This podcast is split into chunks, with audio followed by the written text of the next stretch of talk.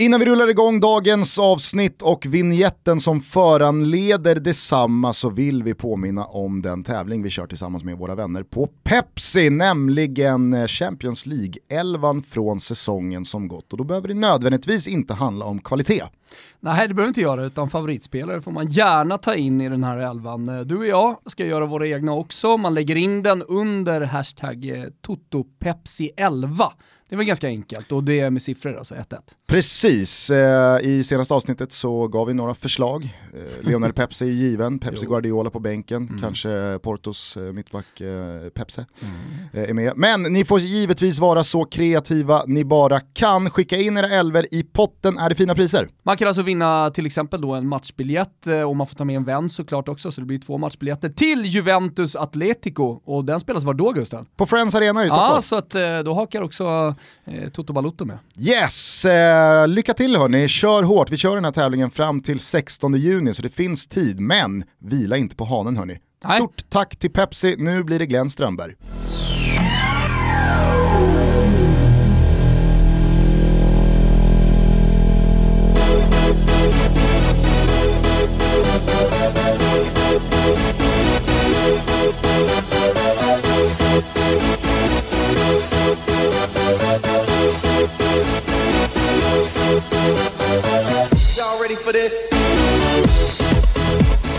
Hjärtligt välkomna ska ni vara till Toto Balutto. Det är en speciell dag idag, inte bara för att det är starten på Elitloppshelgen, utan för att Glenn Strömberg har tagit sig till Kungstensgatan i Stockholm och precis förkunnat att det här är den sista podden han ställer upp på i sitt liv. Varmt välkommen! Ja, tackar, tackar. Det tog lite lång tid, jag känner mig lite skyldig här, för det lovade jag för många år sedan, men det har varit många till och från och jag har inte alltid stämt och så vidare. Men nu är jag här och jag tror, nej, jag tänker nog inte göra om det inte är arbetssyfte med några poddar, för det har blivit mängder av poddar som är där ute hela tiden och jag har redan mycket att göra. Så nej, det här nog blir den sista med er och mig. Trots att du är eh, ett och ett halvt år sen så är vi väldigt glada att du är här. Bockar och bugar. Eller hur Thomas? Ja, väldigt glada. Eh, ett och ett halvt år sen, vi har pratat om det ett tag. Det var till och med på tapeten att åka ner till Kanarieöarna och, och spela in podd ett tag. Men nu sitter vi här i alla fall. Nu är vi på plats. Ja. Hur mår du? Det är som sagt Elitloppshelg, den internationella säsongen lider mot sitt slut, Champions League-final om en dryg vecka. Misstänker att du har lite studs i dojan? Ja, nej, det är faktiskt strålande för tillfället. Eh, jag får ju en sommar här som eh, jag inte ens minns längre när den fanns så mycket ledigt i som det finns. För inget OS, inget VM, inget EM. Och eh, jag försöker stöka undan allting som finns att göra så att säga här innan då Champions League-finalen i princip. Så att jag ska vara helt ledig i den här sommaren då och det ska bli fantastiskt skönt. Det kan ju dessutom bli så att ditt kära Atalanta löser en Champions League-plats här till helgen. Vad skulle det betyda för dig? Ja det är stort alltså. Det är eh, verkligen stort för mig eh, rent, eh, vad ska man säga, känslomässigt för mig. För eh, jag bor i stan, har nära kontakt med ledningen, nära kontakt med, med staden och klubben så att säga och möter ju mängder av folk eh, när jag är nere i Bergamo och eh, de gör det på ett fantastiskt sätt där i år också och det, det är så kul för mig ute i Europa nu då i och med att som du sa innan till mig är på de stora matcherna hela tiden så är det så ruskigt, ruskigt kul att höra och förmedla det också till eh, folket i Bergamo och till klubben också. För nu börjar de stora skribenterna runt om i Europa Framförallt då engelsmännen man träffar mest, men ofta då i Spanien också och lite tyskar också i och med att Bayern München ofta är där, spanska lagen är ju där och sen har vi ju Premier League och de lagen är ju också väldigt långt i Champions. Så de börjar alltså fråga mer och mer om Atalanta. Atalanta var ett lag som, visst, provinslaget som var det största genom tiderna i Italien, förutom de stora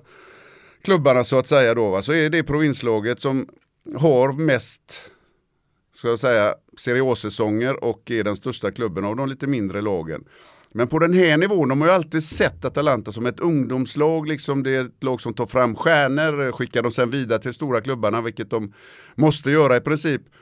Och nu då så istället så ser man dem på ett annat vis hur de går in och spelar med ja, så vågat som de gör liksom. De går in med, ut med bröstet, ut med lungorna vågar spela sin fotboll på alla arenor runt i Italien mot de stora lagen även på bortaplan. Det såg vi mot Juventus sist också till exempel. I eh, European League har vi sett dem göra det också här de sista säsongerna. Så de har börjat få upp ögonen för fotbollslaget Atalanta nu bara inte bara verksamheten med ungdomar och att det alltid är ett lag som visst de spelar i Serie A men inte så mycket mer än så. Och på det sättet de vinner sina matcher, på det sättet de har tagit de här resultaten det är med en stor stolthet i kroppen som jag och alla vi i Bergamo berättar ut det för hela Europa. Och de tar åt sig det. De frågar mig mer och mer saker om Atalanta när jag är ute på arenorna och det är fruktansvärt kul.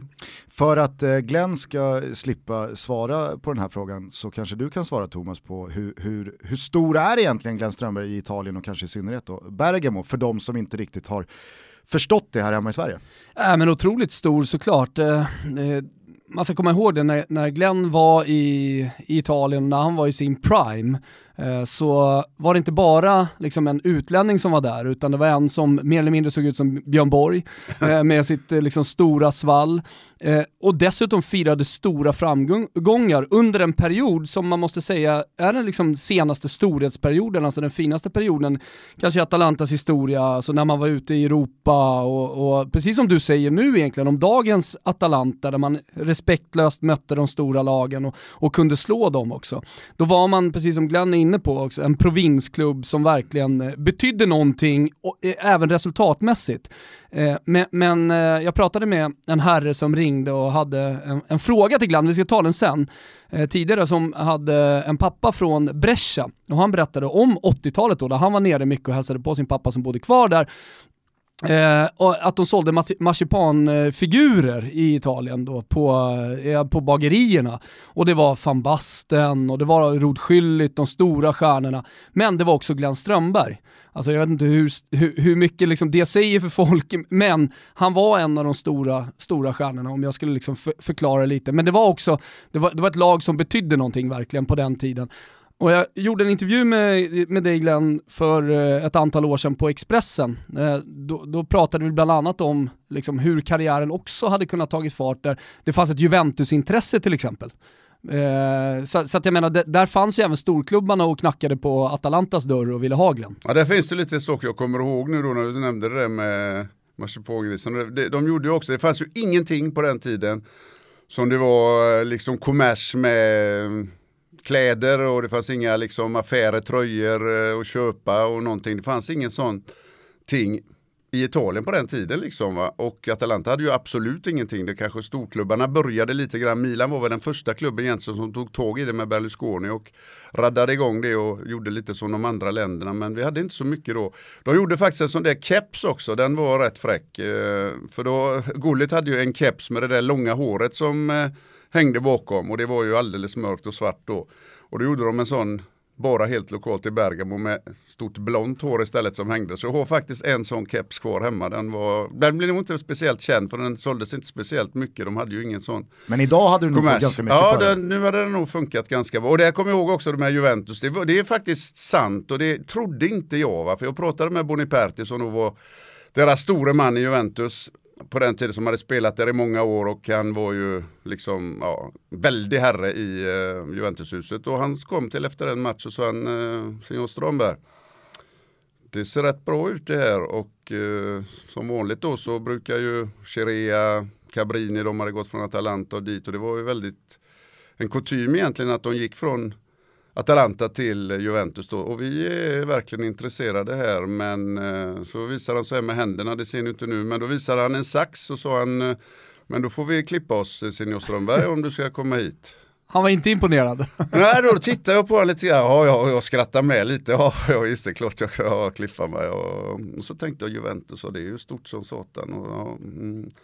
Så gick det någon månad och så var det returmatch och så pratade vi lite sådär snabbt fem minuter efter matchen igen så sa han att ja, vi är fortfarande intresserade sådär och eh, men jag har inte sett något eh, med saxen så visar han med fingrarna igen en sax liksom. Och jag tänkte jag får fråga spelarna i laget här så vad, vad menar han med det? Och de helt på fullt allvar, jo jo men eh, ska du gå dit så får du klippa det. Alltså. Och det var sant alltså, och det vet jag idag i dagsläget att det var sant. För sen var det en annan argentinare som var på väg dit också som fick klippa sig. I sådana fall om man skulle spela det. För jag gjorde även Passarella med honom i landslaget. Kommer inte ihåg, Rondon eller något sånt där. Jag tror det var en mittfältare som var riktigt bra. Han spelade också med långt hår. Så det var sanning det också. Men det var inte därför, det så långt kom det aldrig. För då hade jag fått Hade ta du klippt dig? Ja, man hade väl gjort det ändå. Det känns ju lite konstigt att säga det för man vill ju ändå ha hand om sitt egna liv och sitt egna hår liksom och sådär. Men fanns det ett sån kutym i ett lag som Juventus på den tiden så kanske man hade gjort det. Jag har ju klippt mig då till exempel. Fast din legacy blir ju bättre om du kör på storyn att nej, jag sket i att klippa mig. att jag, jag, ingen bestämmer över Ja mitt men du vet jag ljuger väldigt sällan. Jag förstör ingen bra historia liksom. Den kan ju bli lite större med åren. Men jag ljuger aldrig om den och den här, eh, nej, så som jag berättar den så var den faktiskt. Hörni, vi lär säkert återkomma till både Italien och hårsvallet, men vi dunkar igång faktarutan så att inte den blir alltför eh, långrandig. Fullständigt namn, Glenn Peter Strömberg. ålder, 59, fyller 60 om ett halvår. Eh, gör det någonting med dig? Finns det någon 60-årsnoja? Nej, det finns absolut inte det. Eh, jag är väldigt lyckligt lottad tror jag. Jag jobbar med folk som är i stort sett alltid yngre än vad jag är. Det, det här livet som jag håller på med håller mig ganska ung. Jag känner mig väldigt ung även om eh, man ser att åldern går upp så att säga. Så att, eh, nej, det har jag inga problem med. Jag kommer att säga så här. Om jag klarar mig att jag är 60 år den 5 januari nästa år så kommer jag att säga bara en liten tweet sådär att eh, på sociala medier som jag la ut i år då när jag fyllde år. Det brukar jag inte speciellt göra men när man är 60 får man väl göra det. Jag kommer inte att ha några fester eller något för det har jag aldrig haft. Så det tycker jag man har när man är liten, det har inte jag när jag är äldre i varje fall. Eh, och då kommer jag säga född 60 och lyckas bli 60. Ja det gick ganska bra, så kommer det vara. Världens, mest, eh, alltså, världens bästa framförhållning vad gäller en tweet. Ja, Men gör 60-strecket någonting med dig i eh, din arbetsplanering i huvudet framtidsmässigt och sådär? Börjar du känna att eh, det, det börjar närma sig ett, ett slut yrkesmässigt?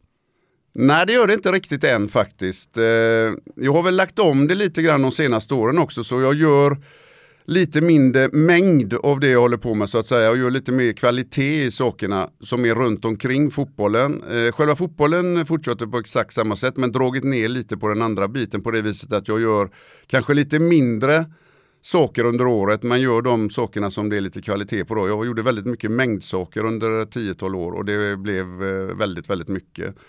Och eh, ihop med att man blir äldre så är det väl eh, lite bättre att kåpa det lite grann. Så att nej, det, det känner jag inte alls nu. Och sen är ju allting, om man säger så med fotbollen, vi kan ju bara se hur avslutningen var i år, va? det kanske vi kommer in på sen, men liksom de här matcherna som har varit här i slutet och det ser ut nu i Champions och hur fotbollen blir större och större i världen så var med i det hjulet och rulla vidare, det känns bara roligt och skoj och stimulerande liksom. Men jag, kom, jag minns en artikel eh, där, eh, jag tror att det var Expressen som hade summerat dina resdagar på ett år, där, där det låg liksom i överlägsen topp då om man, om man säger alla som jobbar med fotboll. Är det den tröttaste frågan man kan ställa? Hur Ja, många det resdagar kan- har du per ja, år? ju- Ja, jo, jag vet inte om de hade räknat ut det själva eller eh, jag Ja, tror det har att de gjort räknat det. ut själva för jag Ja. har räknat inte på det själv. Nej. Jag vet Men bara... det, det är ingenting du känner är, alltså så här, att du skulle vilja Nej, jag brukar säga så här att sätta den här? det ett av de största, så att säga, fördelarna en människa har liksom, eller det, en av de bästa sakerna som finns, det är att den är väldigt, väldigt anpassningsbar, människan.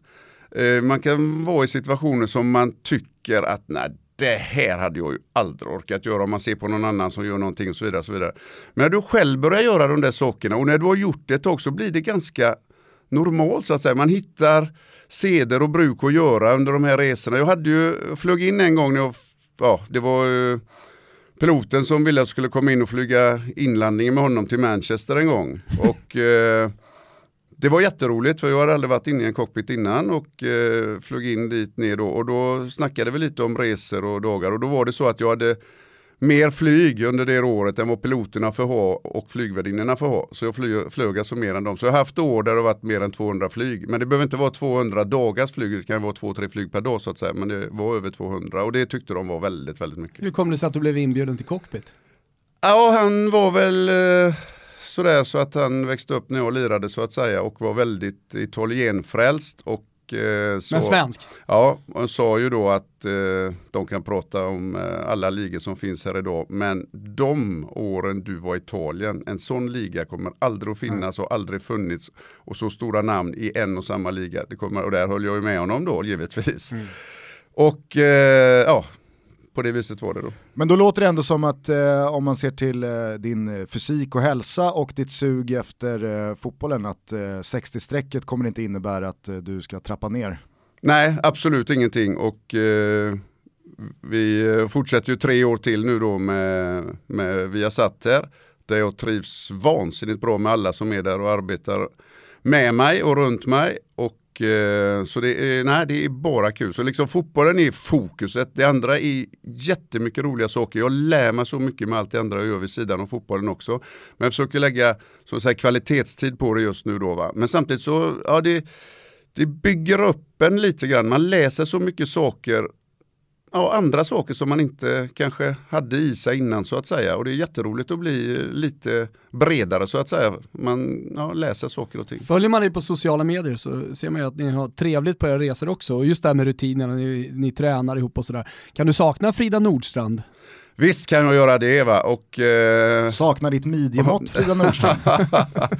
ja, Frida har ju gått om eh, i alla kategorier när det gäller träning. Va? Hon eh, slår mig på allt nu för närvarande. Men hon har ju två knän också, jag har ju bara ett i och för sig. Va? Men nej, vi hade vi försöker göra det så på resorna faktiskt. Eh, det tror jag att jag ger mig ganska bra plus där, för det ger de mig också, de som reser med mig. Det var ganska så mycket i början faktiskt att vi reste och hamnade liksom på lite olika hotell varje gång i London, varje gång i Manchester och på olika ställen hit och dit.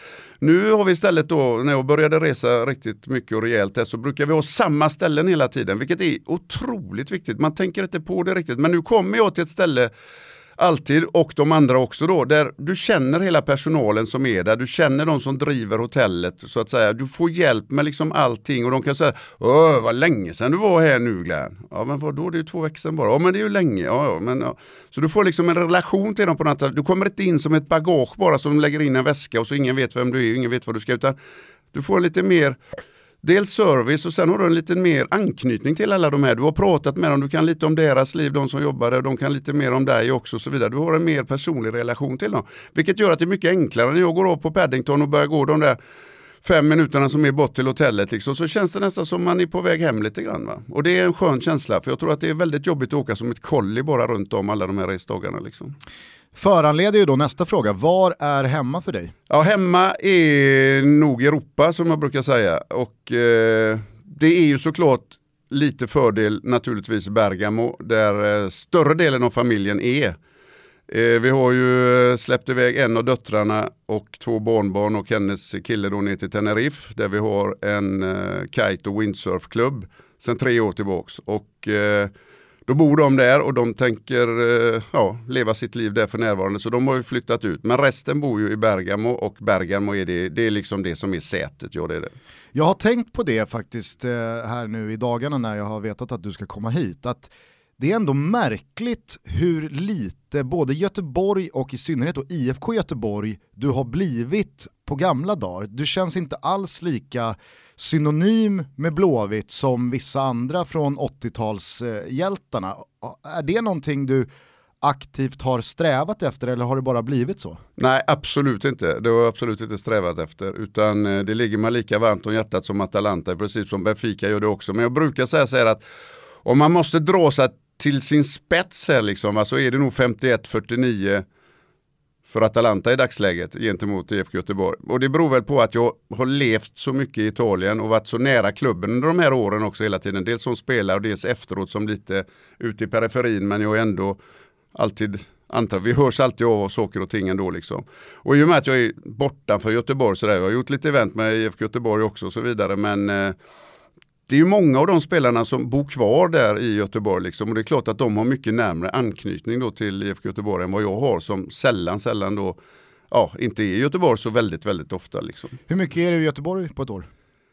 Säg kanske att det är 10-12 gånger kanske max. Det är väl ofta så att man kanske är mer i Stockholm när man väl landar i Sverige för att eh, ha lite mer saker som rör sig omkring här uppe. Men eh, Ja, nej, säg att det är så mellan fem och tio gånger kanske. Men då brukar det också vara så att det kanske är en vecka helt som man gör av en mängder av saker när man väl är uppe så att säga. Så jag är ändå runt om här i, i Sverige hela tiden liksom. Men det är klart det är som jag var inne på med det innan då, att jag gör kanske lite mindre saker vid sidan om fotbollen nu för tiden än vad jag gjorde för 10-15 år sedan så gör att det blir mindre resor. Då var det väldigt mycket Sverige. Det var ju Sverige varje månad 3-4 gånger liksom och väldigt ofta Göteborg. Nu är det mindre då. Sen de öppnade lågprisflyg till Milano, fast det egentligen landar på Real Serio i Bergamo. Eh, I början var det väldigt många som glömde bort att fan, här finns det en stad och, och kanske man kom sent eller man skulle flyga tidigt eh, att besöka. Eh, men eh, vad är, vad är, det bästa med Bergamo? Varför ska man åka dit då? Man, du, jag ska säga så här till dig, så att det, det, var så här att man åkte dit och så var de kanske en övernattning i Bergamo tillbaks, så åkte de in till Milano när de kom dit. Och så var de en natt innan de skulle flyga tidigt dagen efter eller sådär så bodde de över i Bergamo. Nu är det istället så att de åker in en dag eller en och en halv dag till Milano och resten av den där veckan är de i Bergamo liksom. För att eh, Milano, det vet du själv om, väldigt fin eh, stad på en två, tre ställen liksom. Va? Eh, inne eh, gallerierna är, Naviglio kanske, Brera, finns några områden som det är mysigt att gå i. Annars är ju Milano inte någon sån där väldigt vacker stad, det vet du själv vilka ja. andra vackra städer mm. det finns i det där landet, va? men inte just Milano då.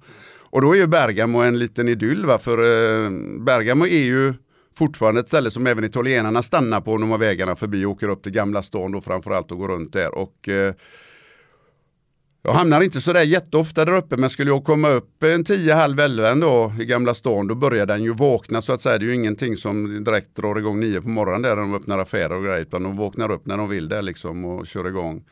Och då är det nästan bara norska och svenska man hör där uppe om man går på gatorna där uppe för då har ju kommit in alla lågprisflygen och då är de eh, där uppe och går så att säga. Och det är, jag tror aldrig jag har hört någon från Norden här som har varit i Bergamo egentligen som åkt hem och inte sagt att det var inte bara bra utan de ska till och med åka tillbaks. Vilken av alla di-restauranger uppe i Berg Bergamo Alta ska man gå på? Är det Francesco eller Giuseppe?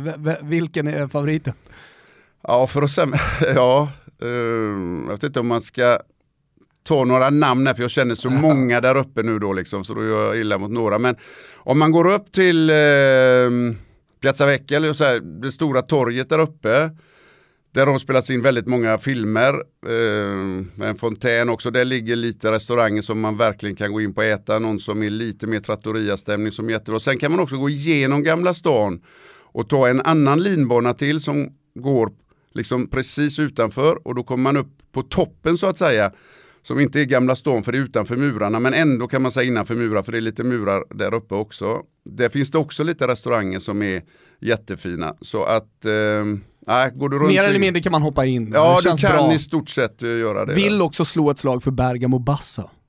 Nere i stan. Det är inte helt dumt där. Nej, du har ju framförallt den stora gågatan så att säga där allt samlas runt omkring så då är det ingen trafik där och det finns eh, väldigt mycket affärer och lätt att gå igenom så att säga. Man har gångavstånd på precis allting du behöver göra och eh, du har där gågatan slutar så har du de stora barerna, stora kaféerna så att säga som det alltid är mycket folk i för de äter ju sin eh, frukost fortfarande på med en ja, croissant eller ja, och en, eh, eller brioche som eh, vi säger. Det börjar bli lite så att säga croissant också. Så här i ja, bör, brioche men... börjar ta sig, cornetto ja, som man säger i Rom, så ja. det har inte riktigt kommit. Men ja, nej det, det är lättgående nere i Basse också. Mm.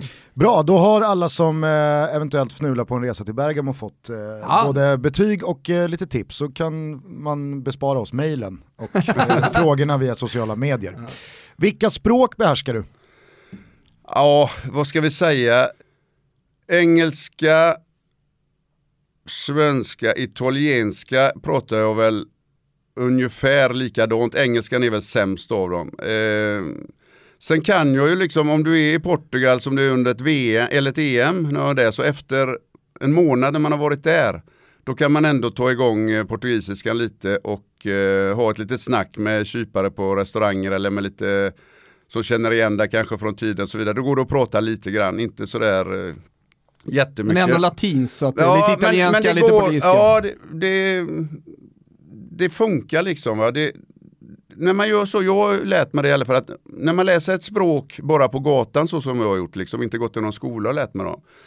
Då, då sitter det inte kvar riktigt på samma sätt som det gjorde med engelskan som man hade gått och läst i skolan. Liksom, Och då hamnar den längst bak i huvudet och då ska du ta in det nya språket och då försvinner det bak och då får du ta lite tid innan du återhämtar det igen så att säga. Men det finns där någonstans liksom. Sen läste jag ju tyska i eh, nio år i skolan och eh, är man där under ett VM så kan man eh, ja, prata lite grann det också på slutet så att säga. Men egentligen Spanska läste jag också lite grann och nu gör jag ju mycket på Tenerife också så nu försöker jag göra det hjälpligt också där nere så att säga. Men det är väl du, egentligen du bara gör som tre. Thomas, du tar dig runt. Ja, ja exakt. länder. Va? Ja, han gör också det bra. Han, eh, han gör det bra. Men eh, vi kan säga att det är tre språk som kan prata. Sen är det också engelska. Du vet, den här, jag skrattar Det måste vara en jag jävla skillnad på engelska eh, med Jamie Carragher och eh, med, med, eh, med, med en vanlig liksom, skolengelska. Det, det, det, det är totalt omöjligt ibland alltså, att, att förstå vad de säger när de drar igång liksom, och bara pratar mellan sig så att säga. Man kör scaus Ja, de gör, ja exakt, de gör det ju lite bättre än de pratar med oss då. Va? Men det är ju samtidigt svårt för jag började ju, när jag kom dit första gången, kom jag, jag, jag, jag fick sån chock. Alltså, satte mig i en taxi och skulle börja med Premier League och så åkte jag själv in. Innan jag då började fatta att det var Heathrow Expressen och vi hade fixat hotellet som låg precis vid Paddington och allt det där som vi logistiskt sett då fixade till lite pö om pö. Så sätter jag mig i taxin och så börjar han prata och jag börjar prata och klart jag kan snacka lite. Och så tänkte jag, fan här får jag ju svårt. Och, vad sa han nu? Och, och, och, och, och så säger jag så jag plötsligt, titta på klockan, det var kö så in i Norden och jag skulle göra en grej direkt när jag kom fram. Så jag sa, eh, om man kunde speeda upp lite grann för att jag var lite sen så sa han, ja jag kan inte gå nu. Nej, nej, nej, nej, om du lite bit fast, if you do- I'm a little bit in a hurry. You know. Ja, inte gå nu. Vad säger han? Då är Katte Corners liksom, det började jag lära mig då. Katte Corners, det var en sak liksom. Så den nya engelskan, den har inte alls med min skolengelska att göra för 40 år sedan liksom, eller 50 år sedan. Så att, eh, det är ju klar skillnad. Hur är eh, Jamie Carragher annars? Det är en väldigt, väldigt trevlig personlighet alltså och eh, ruskigt eh, tillmötesgående på det viset att han är lojal, gör allting som han ska göra så att säga. Och eh, alla som jobbar runt omkring honom då här i Skandinavien när han är med oss på matcherna, de är verkligen väldigt pleased med honom så att säga. Han är jätteduktig. Satt du på hans pojkrumsväggar? Nej, det gjorde jag inte. Jag hade ju egentligen inte så mycket med jag hade ju väldigt mycket med engelsk fotboll tills jag försvann så att säga från Sverige. För i Italien, det vet ju vet Wallbacher. inte- Och Wallbacher och Wilbacher och Thomas. Men jo, du har lärt mig alla namnen. Men för mig är du Wallbacher. Kör du med jacka på alltså? Det är tufft. Nej, ta nog av den. Det, Det blir varmt här ja, men det, alltså, Thomas får ju kriga på sig den där så att när, den väl, när han väl har fått igen den då är det lika bra. Thomas alltså använder du? Det måste vara den enda som gör det va? Wallbacher använder många nu. Men Wilbacher är det annars så rätt ofta va? Ja, det är mycket Wilbacher. Wilba har börjat kommit starkt. Nej, det kör ju Ole, hela. det är Olen som Jag kör tror, Ole kör jag tror att jag nog säger Wilbacher när jag pratar om Thomas. Okej. Men när, alltså, för jag brukar inte säga Wilbacher till dig. Alltså när vi pratar, då säger Nej, nej. Du säger Thomas ja. Då var det ju ingenting när man kom till Italien, liksom med engelsk fotboll. Det var ingen som brydde sig om den där nere. Va? Och, eh, så jag hade ju, liksom min första stora sak när det gäller fotboll, det var ju Charlie George när han gjorde, det var väl 71 tror jag, när han avgjorde fa kuppfinalen för Arsenal med sitt långa hår. Det var väl där det startade lite grann med mitt långa hår och så också. Annars har jag liksom aldrig haft någon sån där riktig idol när det gäller fotbollen så att säga. Jag har varit lite knepig med det. Jag har inte haft den där som de flesta har när de är små, en stor idol som de följer eller har som något sorts, ja, som du ser upp till så att säga. Det har jag aldrig riktigt haft. Vi eh, kommer tillbaka till det, men på tal om det där bara, att eh, du kanske är inte lika stor i England såklart som i andra länder, men det du nämnde där om eh, portugisiskan och eh, Lissabon och sådär, hur stor skillnad är det på igenkänning när du är i, i Lissabon kontra Bergamo? Ja, det är ju som natt och dag.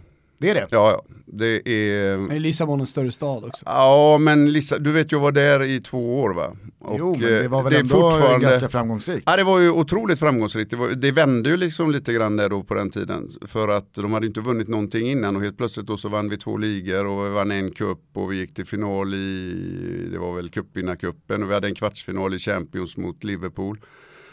Så att det var ju otroliga år som vi hade där. Och, eh, men det får, det får ju vara nästan då som jag ser när jag var nere på en Champions League-match här nu då, det var väl mot United, jag var där sist tror jag, för något år sedan. Ja, då får ju vara taxichauffören som är 55 eller 50 eller 60 eller något i den åldern och ser att man kommer på något vis ska iväg till ett Uefa-hotell och då börjar han fatta liksom lite grann och då kanske han ställer. Annars är det, går jag på gatan i Lissabon så finns det ju inte en människa som känner igen mig så sett.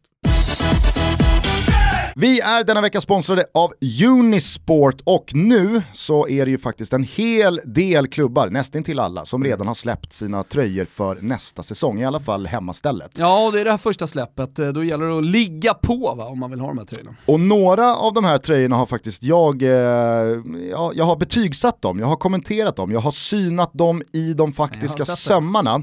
Eh, så att via vår eh, Twitter så kan man nu hitta en länk in till unisportstore.se där jag går igenom eh, Liverpool och Milan och Chelsea och några tröjor till och säger mitt va. Eh, men vi vill dessutom... Milan måste ju få högt betyg här. Ja, med de smala betyg. ränderna. Ja, man ja. kastas tillbaka till svunna tider när Milan var stora. Framförallt så, framförallt så gillar jag den trenden som många lag har hakat på, att man har börjat gå bort från det här revärer och kragar ja. och eh, sömmar i andra färger än själva huvudmönstret. Utan det blir väldigt enhetligt. Eh, så att eh, in och kika på det här och dessutom så har ni med er när ni går in på unisportstore.se att det är 10% rabatt på hela rasket ja. med rabattkoden TOTO. Ruskigt unikt! Tack till Unisport för att ni är med och möjliggör Toto Balutto. Hörni, La Liga har gått i mål, MLS rullar dock på, men helgens stora, stora eh, fotbollsrättighet för alla er som ja. ännu inte vill släppa taget om den här internationella ligasäsongen, den hittar ni i Italien och allt sänds på Strive. Ja, framförallt med hur jävla mycket drama som helst. Vi har bottenstriden med stora klassiska seriallag som Fiorentina, Genoa som är indragna. Eh, vi har ett Empoli som re reser till Milano och ska möta Inter. Empoli som har allt att spela för, så jävla nära nu att göra en great Great Escape. Eh, fy fan, de kommer bara köra och Inter då som är i tveksam form måste också vinna eh, för att hålla Milan bakom sig till exempel då i striden om Champions League-platsen. Så att, alltså det, det blir en så jävla häftig sista omgång så har man inte tecknat upp på Strive för den ynka summan 79 spänn plus att man får första veckan gratis, ja då gör man det fan nu Gusten. Och det är verkligen värt att eh, det också ska rulla på i och med att Strive har förvärvat International Champions Cup hela mm, sommaren som eh, rullar på med storlag mot storlag. Och MLS självklart också, så man kan se Zlatan och de andra gubbarna. Så att, eh, in och eh, teckna på stridesports.com, ladda ner apparna på Apple TV och i telefoner och alltihopa. Hur enkelt som helst. Tack Strivan. Vilket eller vilka lag håller du på? Den är, den är ruskigt, ruskigt bra den frågan och den ska bara skrikas ut i eten egentligen. Jag håller i stort sett aldrig på ett lag när jag kommenterar en fotbollsmatch. Så den, den myten kan, den ser jag ju också att det är ofta om man har pratat kanske lite negativt om ett lag som man inte tycker levererar så bra i den matchen, då säger ju de då att man håller på det andra laget och det är helt uteslutet. Det kan jag garantera att inga som jag jobbar med heller någonsin gör. Alltså det, det är helt otroligt, men eh, ja, den får man alltid. Jag skulle kunna hålla givetvis, om jag har IFK Göteborg, Benfica eller Atalanta, om man nu har Atalanta då tar sig till Champions League här nästa år och Benfica har ställs ju på sin spets ja, då den här frågan. Va? Då gör han ju verkligen det. Va? Men jag har ju kommenterat Benfica jätteofta och det är inte, eller jätteofta, men uh, flertal gånger och uh, jag känner aldrig det att eh, man går över till någonting. Det, jag skulle nog kunna tänka mig att om det skulle gå någon väg så skulle man nog kunna vara lite mer kritisk istället mot dem för att man kanske då tycker att det är ett lag som man har varit och som är en värmt och hjärtat så att säga än att man håller dem bakom ryggen så att säga. Men det, det, den finns inte liksom bara. Den, den kan jag garantera till 100%. Den finns inte när jag kommenterar en fotbollsmatch. Jag har aldrig haft någon match där jag har hållit på något annat lag. Liksom. Du måste väl ändå ha hållit en tumme för Sverige i mästerskapen? Ja, Sverige är ju lite mer legitimt att göra så att säga. Det är accepterat i Sverige också att man gör det och eh, det har väl blivit mer och mer under åren. Men jag kommer ihåg när jag började med den med Bosse Gensel som tog mig in på den här banan för det var utan hans tjat så hade jag aldrig börjat med att kommentera helt enkelt. Han låg på mig i många år och jag tackade nej ett flertal år. Började bara med att göra matcher som gick i Milano. Ja, i stort sett som var nära så jag kunde åka dit på en halvtimme. Liksom. Kräset. Ja, det, men jag, var, jag kände inte riktigt. Jag tyckte också det var för mycket spelare som jag hade spelat med eller emot så kunde man vara riktigt eh, ja, objektiv då. Jag, jag tänkte det kan man nog inte kanske vara då. Va? Så jag avstod det och tänkte det kanske inte var. Men han fortsatte att tjata och tjata och till slut så gjorde jag det där att jag åkte och började med kvartsfinalerna i EM 96 i England. Och då blev det liksom lite vändpunkt för då hade jag gått upp 20 kilo också. Jag gjorde ju ingenting på sju år därefter jag hade lagt av. Jag sa att jag skulle ha... Sydamerikanskt? Ja, jag, skulle ha, jag hade en sån där liten idé när jag var ung att Jag ska lägga av innan alla andra börjar säga att jag ska lägga av. Jag ska lägga av på topp så att de ska stå och gråta nästan att man lägger av. Men de ska samtidigt säga vad bra att han la av när han inte började bli på dekis så att säga. Och det lyckades jag göra trots att jag hade ett treårskontrakt framför mig att skriva på. Och det tyckte de var jäkligt stort då att man gjorde. Och det håller jag fast vid då. Det var ett väldigt, väldigt bra beslut. För nu tycker alla att det var rätt beslut i Bergam. Och de bara be, ja, beundrar det och tycker det var bra. Känner du själv också att du var som bäst då? Ja, jag var nog, eh, jag hade ju en skada året innan så jag var borta i ett halvår och det var ju väldigt nära att jag var tvungen att sluta spela fotboll. Och eh, det var ju väldigt tufft. Jag tappade högra, jag fick en smäll i nacken så jag tappade mm, 90, ja, lite över 90% av kraften på höger sida i eh, armen så att säga. Jag kunde knappt hålla i en kaffekopp på morgonen med högerhanden utan fick börja göra allt med, med vänster. Och den sommaren då tränade jag ja, i stort sett varje dag. Jag åkte inte hem, jag hade ingen semester den sommaren. Jag bara träna och träna och träna. Och det var en sån där sommar så det var 40 grader i Bergamo det var så varmt som man på. Finns ju inget, ja det finns ju lite sjöar en till men det är inte den där brisen som det är från havet liksom. Ja, det var så varmt och jag var där och tränade och tränade och byggde upp det här igen. För då hade jag varit hos sådär mikrokirurg eh, eh i eh, Paris. Och det fanns, idag finns det väl rätt mycket sånt där men det var inte så vanligt på den tiden då runt 90 här. Så att eh, han sa då till mig klart och tydligt bara att hade du varit 20 och har karriären framför dig ja, då kanske vi hade tagit beslutet ihop du och jag och gå in och försöka göra någonting om du brinner för det här. Liksom så Men nu är du ju 30 här va? och du har fått ut rätt mycket av det här. Va?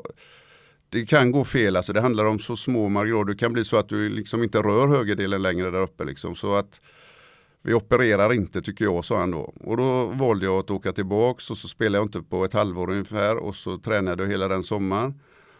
Och lyckades komma tillbaks. Och jag hade lite tur också sista året på det viset att det var en match borta mot Genua och eh, det hade väl gått en tre månader av säsongen, alltså det var väl i november eller något sånt där. Och då kommer våran tränare och säger till mig så här på kvällen att eh, Glenn, kan du spela Libero imorgon? Va? Ja, kan du spela Libero imorgon? Ja, men jag har aldrig spelat Libero hela mitt liv. Vi spelar i Serie A. Vi möter ju världsstjärnor. Forwardsen framförallt, de var ju världsstjärnor i varje lag. Liksom. Ja, men de har ju Skoravi där på topp va? och han är ju stor som du och så vidare. Så det kanske är lite lättare än den där snabba, kvicka Sola-typen eller Del Piero-typen eller någon sån där emot där, liksom. Eller de som fanns Mancini och de på den tiden. Ja men säg till någon av försvararna säger jag, de kan väl säga, nej men du vet de vill ju ha en tröja att hålla tag i hela tiden, de vill ju markera man-man, de vågar inte stå där still där bak. Och det var ingen som ville spela. Så jag fick ställa upp för laget och spela Libero där och det gick väldigt bra tack vare att det var också Skoraver där stod och kunde hänga med han i löpningar och så vidare. Och sen märkte jag att Libero, det var den mest överskattade rollen jag någonsin har sett på en fotbollsplan. Alltså. Så att alla de som varit Libero på den tiden och innan när jag var liten Visst, otroligt stora fotbollsspelare, men de, det är inte så att de sjunker i mina ögon, men de hade det lite lättare för sig, för det var lätt att spela libero. Hade du bra spelare framför dig som markerar som vi vet att Italien kan göra, va? då kunde jag ibland säga till eh, materialförvaltaren efter att hänga in den i skåpet bara, du behöver inte tvätta den här. Liksom. Och då stod det ändå då så efteråt eh, Strömberg 7,5 dominerade där bak, täckte upp allt, ägde försvaret. Jag gjorde inte ett skit, det gjorde alla framför mig. Och det hjälpte mig också att kunna spela det där sista året då. Och när jag fick den där, för att avsluta det som du var inne på, att kunna spela det där sista året, avsluta det på mitt vis, vara med i årets lag, liksom, eh, det betyder lite i och för sig, men du hade ändå visat att du var tillbaks på planen så att säga, om man blir uttagen i det Gazetta-laget på något vis. Va? Du, då är det ändå, så att då kände jag att du hade nog lite tur här nu. För att du fick spela ett sista år när du kanske bara hade fått sitta på bänken och varit skadad. Ska du då riskera treårskontraktet här och spela och kanske det går upp här efter två, tre månader och du bara sitter där resten. Nej, det här blir väl ett perfekt avsked egentligen. Och det Klokt. blev det. Ja, det blev bra. Men Vad du har var- vi för stora Libro som ska sätta sig ner? Ja, det, alltså, där är väl några tyskar? egentligen er generation bättre. Ja, men Beckenbauer är väl... eh, Han får sätta sig. Det är väl Librornas Libro. Ja. Ja, Näskens, eh, nej Näskens var det ju inte, vad hette den andra, de hade väl en Libro också där tror jag som var. Men det, ja, det finns ju några Fan, som precis var... buntade ihop dig i samma generation som Glenn. Nej men det, det, jag, säger, jag säger, vi använder rätt ord där, inte klassa ner dem, men säga Mm. också att det var en väldigt, väldigt förnämlig position att spela Mm. fotboll på. Va? Du har tid på dig hela tiden, du kan läsa vad motståndaren ska göra. När du själv har bollen har du aldrig någon som är in till dig liksom. Va? Så att, eh, mm. Men jag skulle bara sy ihop säcken där, du var på väg någonstans, du hade gått upp 20 kilo, Ja. det hade gått ett par år, Eh, det lät som att din plan var att gå upp 20 till. Nej, det, det, det räckte där tyckte jag. Eh, då hamnade vi nere på, det började då egentligen innan jag skulle åka på det här eh, EMet så åkte vi ner till eh, Liguria där vi hade åkt eh, på semester, eh, sju, åtta år i sträck. Och eh, det gör man ofta i Italien. Det låter riktigt klokt alltså. Men italienarna åker till samma ställe, samma hotell, samma jävla spiaggia. Eh, och så också, men det gör jag ibland. Så ja, Helt okej. så eh, de är på samma beach, samma solstol år efter år. Och det passar väldigt bra om man har barn. För då lär de känna varandra och leker och man har lite mer fritid själv när man är där nere på beachen för då hittar de sina kompisar från året innan och så vidare. Så vi var alltid där. Kan man sitta och dricka vin på Det Lidl? kan man göra också då, även om det kanske blir mer öl för det är så himla varmt där. Va? Så att, eh, men då var det så här att jag åkte ner och hade inte haft på mig badbyxor på ett år och ska ta på mig första dagen och det fanns ju inte en chans. va. Som vi relaterar. Och eh, den lilla här då, hon var väl, vad var hon, fyra år. Så då skulle jag gå lite uppe på badbyxor. Och då säger hon, jag vill gå med pappa. Ja men det är så varmt, var du kvar här nere nu Julia då? Nej jag vill gå med. Ja, ja kom igen då, gå med då. då. Så börjar vi gå, gå in i en affär. Ja, XL, det räckte inte liksom. Jag var tvungen att hitta XXL Är det någonstans. Speedos vi pratade om? Nej, nej, nej, det var ju riktiga var Speedos och använt. Men så ja, letade in i nästa affär nej, och det var varmt. Och jag såg på henne och sa så vi får ta en glass Julia. Så, då, så, du, ja. så fick hon en glass och så lite. Ja. Så efter 45 minuter var det gått där i värmen så säger hon så här. Pappa, ska vi inte gå ner till beachen? Jo, jo, men jag måste ha med mig på byxorna, ska jag inte vara där? Ja, ja. Så går vi lite, eh, jag tänkte jag vill bara gå mot beachen i varje fall så ser jag för att hoppa in någonstans och hitta något. Ja. Så till slut så går vi förbi en affär så hänger det på en stång utanför den här klädaffären. Och på den där stången så hänger det ett par byxor. Och de är ju liksom en och en halv meter eller två meter breda. Och är bara för att visa att här är en klädaffär liksom här inne va. Och då tittar hon upp på den så säger hon Pappa, om de tar ner dem. Och då var de ju för en som vägde 500 kilo liksom. va. Då kände jag så här att nu är det fan med dags. Nu får jag ta bort de här Nu ringer jag Gensel och säger, Ja, exakt. Va? Nu får jag ta bort de här. Och då åkte jag till, eh, det hände rätt mycket roliga saker där i England faktiskt. Men då var det att jag gick ner 10 kilo på de tre veckorna jag var där. Jag eh, började se en sport som jag inte tittar på så mycket längre. Det är säkert en jättefin sport men den tilltalar inte mig så det är ju bara fritt fram. De som gillar den gillar den och det är inget fel på det. Men det var en cricketmatch, det var en turnering som gick. Och den började när jag kom dit. Och den var inte avslutad den här matchen liksom efter tre veckor så jag fick ingen riktig vinnare på det trots att den var på hela tiden och det gjorde mig rätt störd så att säga. Men Eh, jag gick ner de eh, kilorna som var där och kände att eh, det var liksom lite vändningen och sen märkte jag att det var väldigt intressant i Sverige när man kommenterade. Det märkte jag framförallt två år efter när jag var i Frankrike och gjorde VM. Då gjorde jag väl 34 matcher på 32 dagar, så jag gjorde två om dagen. Ibland kom till andra halvlek bara, eh, åkte från Bordeaux med något flyg och kom upp till andra halvlek i Paris när Arne sattes. Åh, här kommer Glenn, så här. Ja, trevligt. Så hoppade jag in där efter en halvtimme så att säga. Så där, det var ett litet eh, vägskäl. Där började jag gå ner och där började jag liksom småarbeta där igen lite grann. Inte så mycket under åren men gjorde liksom turneringarna. Så jag hade de där sex åren som pensionär då. För det ville jag ha som ung och inte som gammal. Det var ihop med det där och så innan lägga av när man var på topp. Eller i alla fall så att man kunde välja det själv. Plus att ta lite ledig tid när du var ung och inte när du får det så att säga när pensionsåldern kommer in. Plus att jag fick familj exakt i det skedet så det passade verkligen utmärkt att kunna vara hemma med dem under sex sju år. Eh, vi kan väl bara då eh, sy ihop säcken på själva frågan då. Om jag förstod det rätt, vi får väl se vad ditt hjärta säger ifall Atalanta skulle springa in i Benfica nästa säsong och att känslobandet till IFK Göteborg är fortsatt väldigt starkt Ja, från ja. din sida. Absolut, absolut. Finns det något lag som du verkligen inte håller på eller som du kanske rent av föraktar? Nej. Det fanns ingen gammal motståndare som var extra grisig att möta.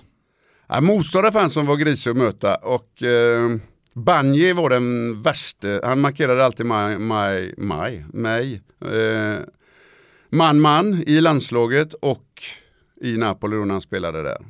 Och han var faktiskt ett riktigt svin på plan och det sa jag till honom. Jag träffade honom en gång i en öststat, vi var på en match. Och han var där, han jobbade lite grann då för någon klubb eller som agent eller något så vidare. Och han var inte så himla stor. Och eh, jag såg han där då så, ja, jag skulle gå fram och hälsa bara. Jag såg en blick i hans ögon, alltså han, oj! Han tittade så här, fan ser han rädd ut? Så Strombergo? Ja, han blev rädd alltså. Och, och han trodde väl jag skulle säga till honom, för han var, han var äcklig. Eh, han eh, kunde också spela av bollen så efter 30 sekunder så kom han ju upp in till då liksom för han spelade man-man. Och så kunde man få en spottloska i ansiktet eller bara något snack eller någonting och så ja, något dravel liksom. Så att det gjorde att man var jävligt förbannad. Riktigt sådär. Men då tänkte jag sådär ändå. Jag tänkte försöka vara lite svensk eller vara lite klokare som du var inne på innan. Lite smartare än honom. Och då tänkte jag så här, vad ska jag göra för Jag slår ju aldrig han på det här viset och spela fult och spela oschysst. Och det sa Donadoni och andra till mig också som spelade som kände honom. Då, så, äh, bråka inte med honom för det, det, det, det, är ju, det, det är förlorat redan från början. Liksom. Så jag tänkte på en sak, så tänkte Glenn, alla säger att du springer rätt mycket på plan. Ta med han hela tiden på planen. Så jag drog iväg, även där jag inte skulle springa ibland. Det var helt onödigt att springa 50 meter åt det hållet. Ibland bollen gick åt andra hållet, jag sprang åt andra hållet och han sprang ju med. Så jag fick faktiskt han både i landslaget och i Napoli väldigt ofta att eh, vara helt slut när det var en kvart, 20 minuter kvar så han fick byta. Då kände jag att då hade jag vunnit liksom tyckte jag. Så att, eh, han fick aldrig in med den, för det var väldigt nära att kunna dra till den. Men då hade vi spelat med 10 man, de 11 och då hade det varit helt kört. Det var ju redan ganska kört mot Napoli ändå. Va? Men spelar du 10 mot 11 så är det ändå kördare. Så jag försökte undvika det. Vi har ju eh, fått en engagerad lyssnare att eh, höra av sig gällande det här misstänker jag, men bara då eh, på, på det temat. Var det svårt att som hederlig svensk ärlig fotbollsspelare anpassa sig till det italienska furbo-sättet att eh, vara på plan? Ja, det var det väl i och för sig. Och eh, det blev ju ännu värre sen, då kommer väl in på det vi brukar väl alltid komma in på, med den här straffen som jag fick mot Tjeckoslovakien. För då gick jag ju inte omkull någon gång mer under resten av karriären. Om de så slet av med håret eller drog av med byxorna och spelarna skrek till mig, vad håller du på med, gå omkull? Nej, nej, inte en gång till så det här blev för mycket skit jag fick, det här går inte. Så att eh, Nej, det var, det var mycket så, men jag tycker ändå att det har blivit värre. Det, det, var lite, jag lovar att det var lite, lite renare ändå under den tiden jag spelade. Det blev värre de där 10-15 åren efter jag hade lagt av, alltså från 92 och framåt lite grann så blev det värre. Det var inte riktigt lika mycket. För det var hårt, det var tufft, det small rejält, och du vet hur försvararna var på den tiden där.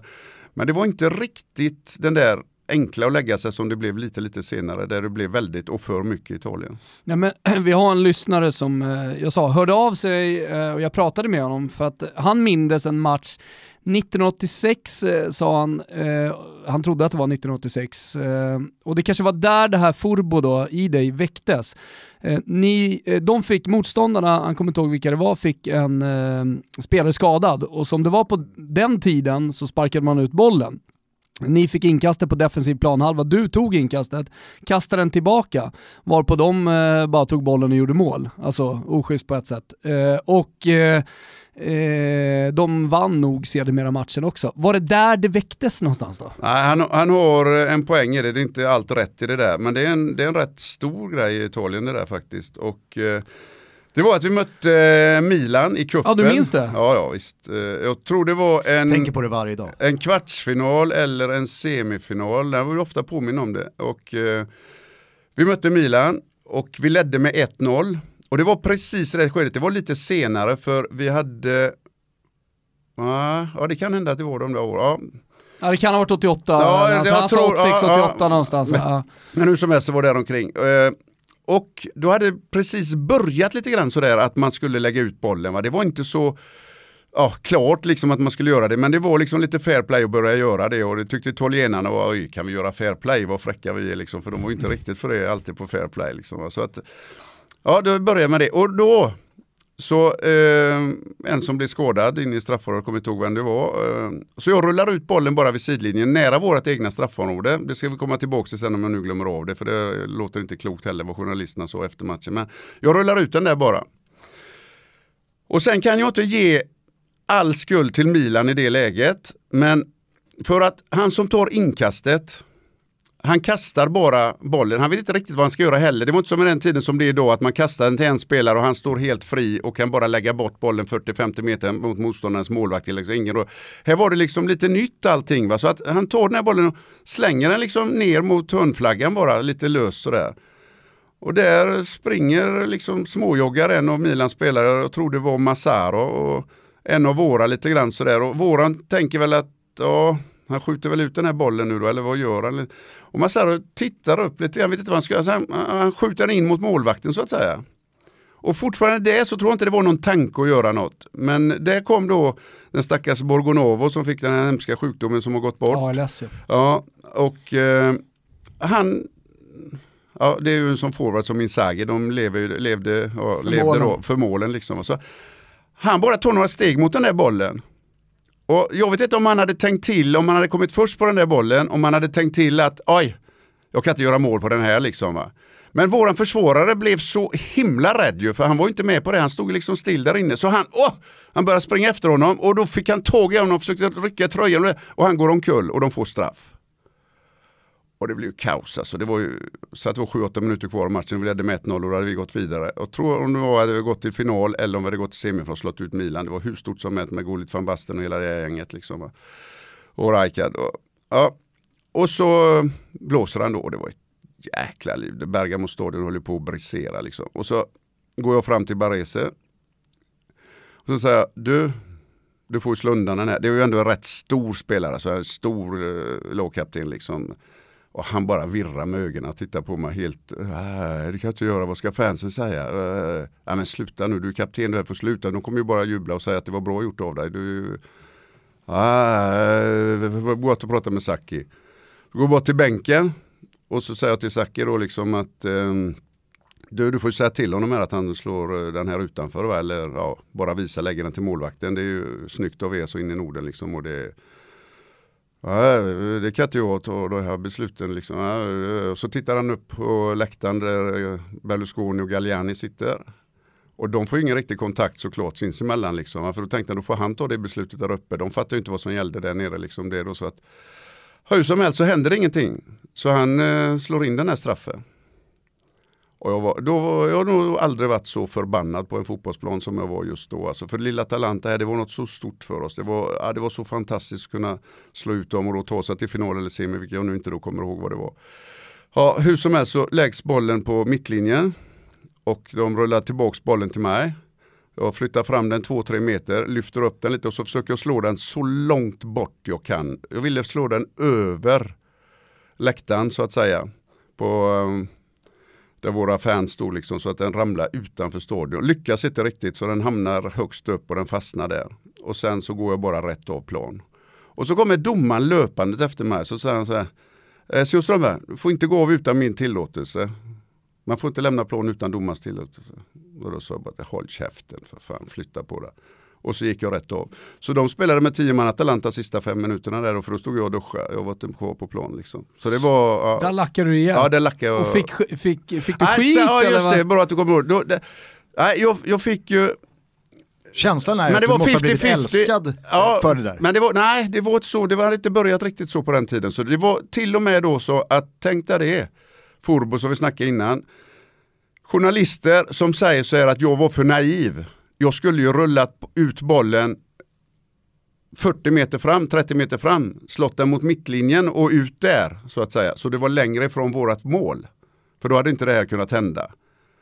Men då försökte jag förklara för dem, men vad fan säger ni? Jag kan ju inte, det kan ju inte jag tänka på det läget. Jag rullar ju bara av bollen för fair play så han blev omhändertagen den här spelaren. Äh, det tyckte de var lite för naivt, det var lite för svenskt att rulla av den där så nära då vårat egna straffområde. Så där fick jag lite skit för att jag hade gjort det. Sen det roliga, så för att slutföra det här, den var faktiskt så här att för en fyra fem år sedan så kommer Sky då var det en match i Champions League med något av Milan-lagen. Och så eh, ringer de innan så kan vi komma till hotellet för eh, nu har vi fått ihop både eh, Baresi, Maldini och Sacchi och Berlusconi. Och då ska de be om ursäkt för det här. Oj, så det skiter jag fullständigt i. Men eh, visst, eh, det kan vara bra att de får, ändå att det kommer ut att de ber om ursäkt. Det är ju ändå bra för att, eh, ja, bra att det kommer ut. Och så ja, ja, då kom de till hotellet och så började vi snacka om det som vi gör nu här då. Och eh, samtidigt då så visar de upp det här de har spelat in med alla de här. Och då, eh, det var rätt fräckt för då bockar de och så ner med huvudet så här och så här. Eh, Glenn Strömberg, vi ber dig och Atalanta och hela Bergamo om ursäkt för det var väldigt fel av oss och det var dumt gjort. Eh, det var sådana tider, det var inte riktigt som det är idag och så vidare. Och så vidare. Men ja, alla de här tre du fick eh, Berlusconi att adressera bad, dig där. Ja, bad om ursäkt mm. så att säga. Och eh, han var inne även i eh, match. Vi mötte dem eh, året efter igen i ligan och då kom han in i omklädningsrummet efter matchen. Och eh, redan då så sa han någonting som inte var på bild då, eller det var inte inspelat. Mm. Man kom in till oss och skulle be lite om ursäkt för det som hade hänt eller säga att det var så. Men eh, då skickade vi bara ut honom så han fick inte vara där inne. Liksom. Så där vi vet, men ändrade du det efter det här? Nej, nej, nej, jag ändrade mig inte. Nej. Men samtidigt det är var... inte så att strafffilmningen då, som många vill få det till, Exakt. Att, att den föranleddes, att den föranleddes av, av detta? Nej, nej, nej. Nej, nej. Och det, det, nej, nej, nej, men den, den, nu har vi ändå en och en halv minut ska ta det jävligt Jaha. snabbt. Alltså, för det gällde ju ingen som fattade och de kommer inte att förstå det heller. Men det här var en grej, den här straffen, det var en grej som att jag blev helt enkelt för övermodig. Jag hade tunnlat en på vägen, kommer in i straffområdet. Jag vet hur en försvarare kommer och glidtacklar den situationen. Så jag tänker jag puttar bollen lite framför mig, sätter fram högerbenet så träffar han högerbenet istället och så får vi straff. Så jag ville ju lirka honom till att dra på sig en straff. Men då blev jag så övermodig så jag kände så här, nu kommer alla säga så här, ja det där försvarstalet är tål inte att lyssna på längre, men skit i det, nu får ni höra det ändå. Så då kommer den här försvararen och då är det inte försvararen, då är det ju liberon som är mycket mer spelintelligent. Så när han ser att jag har lagt fram den här foten, då kan inte han, då drar han tillbaka sin fot som han är på väg att försöka ta bollen med. Och då är jag redan på väg, för jag vill lägga mig innan. Jag vill visa honom att haha vad jag lurar dig. Jag kan redan lägga mig nu för du kommer ju komma rätt in i mig. Och han drar bort den här och jag ramlar och tänker, fasen Glenn, vad gjorde du nu? Du hade ju kunnat gå på mål i alla fall och kunnat ta ett avslut och gjort något bra av det här. Nu blir det ju helt skit istället. Och så kommer Pryt skrikande på sin skånska som jag aldrig fattade vad han sa. Det är straffkliv bra, det är straffkliv. Jag tänkte vad är det han säger? Det är straff. Nej, Lika inte... svår att förstå ja, som Jamie Carragher. Och ändå bodde jag med honom i fem sex år liksom, i landskamperna och ändå hade jag svårt att förstå. Men, och då varför har han blåst straff? Det kan det inte vara. Han var inte i närheten av mig. Nej, okej. Okay. Och efter det då så var det ju aldrig någon straff i Italien med liksom. Men då ska jag säga om vi nu säger så, alla ni som inte tror på att det här med övermodigheten att jag gjorde på det viset, säg att jag slängde mig då om ni nu tror det. Då ska jag tala om för er att jag är den ärligaste fotbollsspelaren som har funnits under de sista 40 åren. För idag slänger de så där var 15 minut.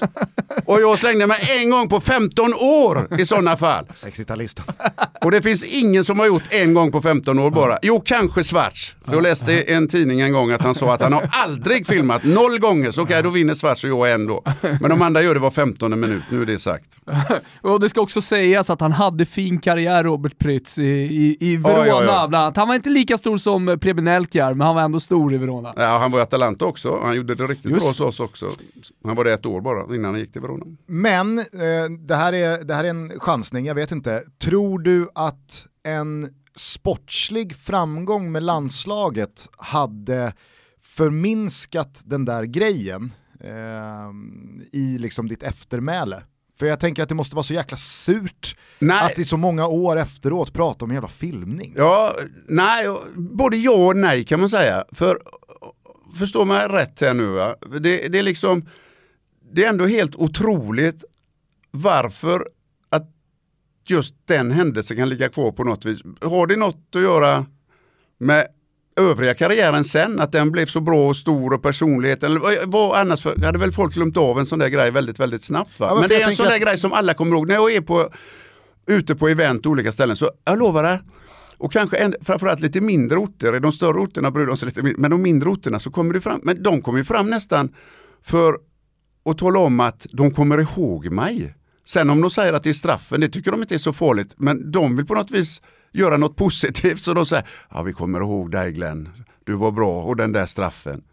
Ja, men det är något bra att komma ihåg tänker jag. Då liksom. Men på deras sätt att visa det är det på något vis de tror liksom att, ja, jag visar att jag kommer ihåg det, men de nämner straffen. Straffen är ju helt otrolig att den kan finnas kvar egentligen så länge. Så många straffar som har utdömts. Ja, liksom. nej, men och så, många tiden, felaktigt. nej, men så, på den tiden så visades ju inte eh, liksom, ligorna på samma sätt som idag. Eh, med rättigheter och man kan se precis allt med, med högupplösta kameror och, Ja, och, och allt vad det är. Så att jag menar, då blev det ju, det minns ju jag från min tidiga liksom, eh, ja, när jag var barn och, och kollade VM 86 som första och sen VM 90 och alltihopa. Det var ju EM 88, det var ju mästerskapen egentligen som man Mm. längtade till hela Mm. tiden för då fick man se alla stora världsstjärnor. Men detta var ju också så, det, i och med att det här övermodigheten som jag pratade om, att jag ville bara visa hur intelligent jag var gentemot honom. Det gjorde ju att den var så tydlig. Nu har du 38 kameror, 40 kameror på en Champions League-final. Där fanns det en. Mm. Och att det gick att se så tydligt, det var Men tack vare att det var så- så himla dumt gjort. Liksom. Den här grejen från cupmatchen mot, mot Milan hade ju, liksom, om det hade varit idag så hade ju den varit ännu större och Ja, du hade ja. blivit ihågkommen eh, Mm, liksom, men- för den mer Ja. och andra Mm. grejer som du hade gjort i Atalanta såklart. Nej, men för jag tänker att eh, för eh, 94-gänget till exempel så spelar det ju inte speciellt stor roll vad spelare har uträttat vare sig i positiv eller negativ bemärkelse. Nej. Allas första go-to-grej är bronset i ja, USA. ja, kan du på något sätt eh, med, med så här många års distans till spelarkarriären gräma dig över att det aldrig blev en, en stor framgång med landslaget? Ja, inte, jag grämer mig inte personligt för det, det kan jag inte säga. För jag har fått ut så otroligt mycket i mitt liv och, tack vare min fotboll. Liksom, va. så att det, det har slagit eh, över alla mina högsta förväntningar. Liksom, va. Det, ja, det, har, det har gjort så mycket för mig. Jag har försökt ta tillvara på allt på ett positivt sätt också. Det jag har fått, fått till mig så att säga. Så jag har försökt hjälpa till så att säga. Men jag har ju fått ut så otroligt mycket av det. Jag, jag, jag lider lite mer för laget. För vi hade ett väldigt, väldigt bra fotbollslag alltså. Vi gjorde en plattmatch varje år egentligen. Ofta då på hemmaplan när vi förlorade med 1-0. Vi förlorade mot Rumänien med 1-0 med en felaktig bakåtpassning. Fick ett mål mot när Gomes, han från Porto, gjorde något mål här också i slutet av matchen och de vann med 1-0. Så vi hade bra resultat hela tiden men vi hade en sån här match som gick fel hela tiden för oss som gjorde att vi inte kom vidare. Och sen kom ju det där hemska då som var i Tjeckoslovakien när vi äger den här matchen, kunde lätt med 3-0 i halvlek så är det plötsligt så står det 1-1 då och så vinner de den matchen och så tror vi att det ska räcka ändå och så lyssnar vi på Tysklands match efter. Tyskland har aldrig förlorat alltså en VM-kvalmatch hemma. Aldrig, hör ni det? Och så förlorar de mot Portugal i den matchen. Och så säger de till och med, eller jag tror att Tom Engstrand, han höll väl såklart på oss. Alltså, den här bollen är inne skrek han när de nickade ribban ner då i slutet. För då hade det räckt för oss att åka ner och vinna sista om det var mot Malta eller Cypern. Det var nog Cypern. Och eh, det räckte, det gjorde vi också. Och eh, jag gjorde det vinnarmålet faktiskt. Det var rätt kul att göra det vinnarmålet och ta sig till VM med det.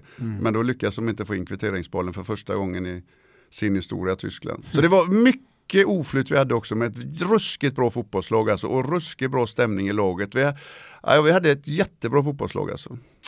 Eh, vi får köra lite karta och kompass genom faktarutan här. Eh, jag ska bara mm, eh, se till så vi får allt rätt. Om, eh, om du inte misstycker då, så, så säger jag på, på frågan favoritspelare genom alla tider att du aldrig riktigt hade någon så här idol. Nej. Eh, och en spelare du aldrig riktigt gillat kanske vi ska landa i Banje då. då. Ja, men jag, som då, han var ruskigt trevlig vid sidan om. Det, är Ja. sådär, det finns sådana riktiga svin på plan som kan vara ruskigt trevliga. Nej, nej, det var plan nej, nej, nej, nej, riktigt. eh. Vi är denna vecka sponsrade av Erik Olsson, Tjena, eh, den bästa bostadsförmedlaren there is. Ja, alltså tveklöst. Och det säger jag inte bara för att de eh, sponsrar våran podcast Gusten, utan det är bara kolla in på hur de arbetar förstår man. Att eh, de är nära dig som säljer, eh, de vill dig väldigt väl, det visar de inte minst med vårt samarbete där de är väldigt generösa självklart, eh, det kommer vi till, men eh, också just det här professionella, alla frågor de ställer, att de, att de inte lämnar någonting åt slumpen. Nej precis, deras mäklare är lokala experter, de har koll på bostadsrättsföreningarna, de har koll på omnejden, vad det finns för förskolor, skolor, kommunikationer och så vidare. Dessutom så erbjuder de visningsgaranti, för ibland händer ju livet om man missar en visning. Ja, då ser de till så att det löser sig ändå. Dessutom så får man bäst betalt eh, när UC har jämfört slutpriserna med snittet i storstadsregionerna. Eh, och just nu så får du som säljer din bostad med Erik Olsson ett årskort på Nordic Wellness värt sex lax. Här kommer generositeten Gusten. In och läs mer om det här på erikolsson.se tuttobalutto. Där kan man dessutom skicka in sina uppgifter och anmäla sitt intresse för att ha chansen att ha oss som Ja visningsvärdar. men gör det! Jag är så jävla taggad, jag vet att eh, du Gusten också är det, men alltså det, det, jag ser fram emot när jag står där eh, med något litet papper, någon liten, eh, lite sån här Hej, hej. läderetui liksom. Välkommen, välkommen. Välkommen.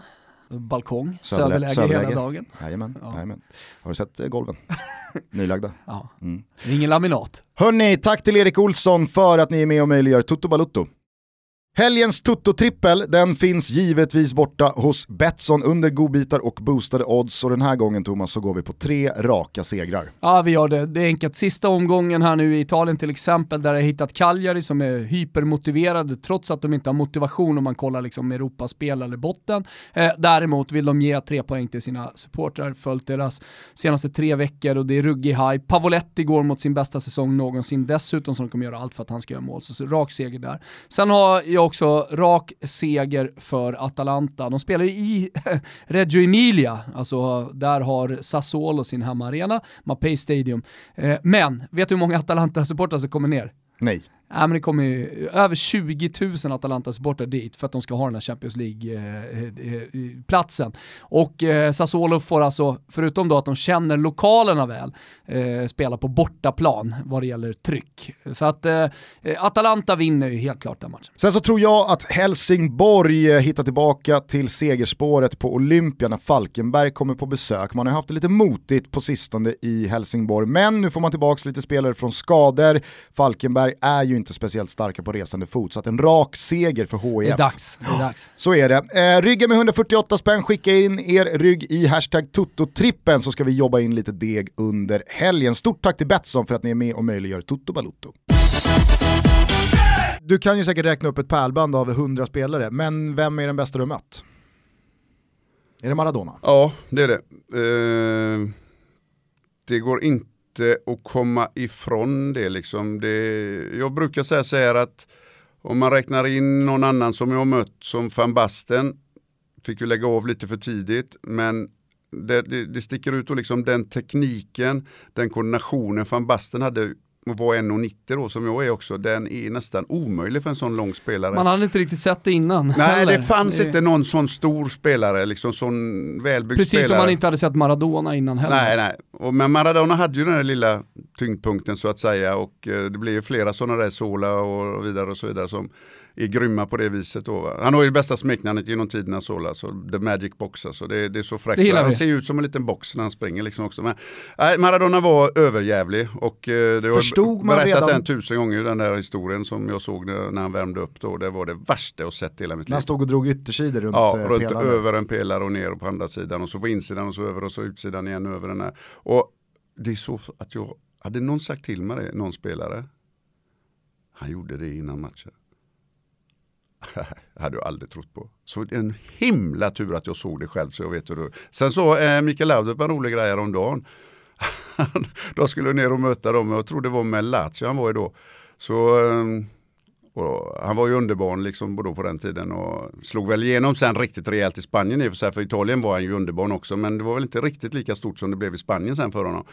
Och eh, då sa han just när han mötte Maradona första gången. Vi satt här nu, ja, det var någon Juventus-match eller så var det en Barcelona-match i Champions. Så, ja, så berättade jag den storyn då med pelaren där och så berättade han sin så ja, det var inte klokt sa han.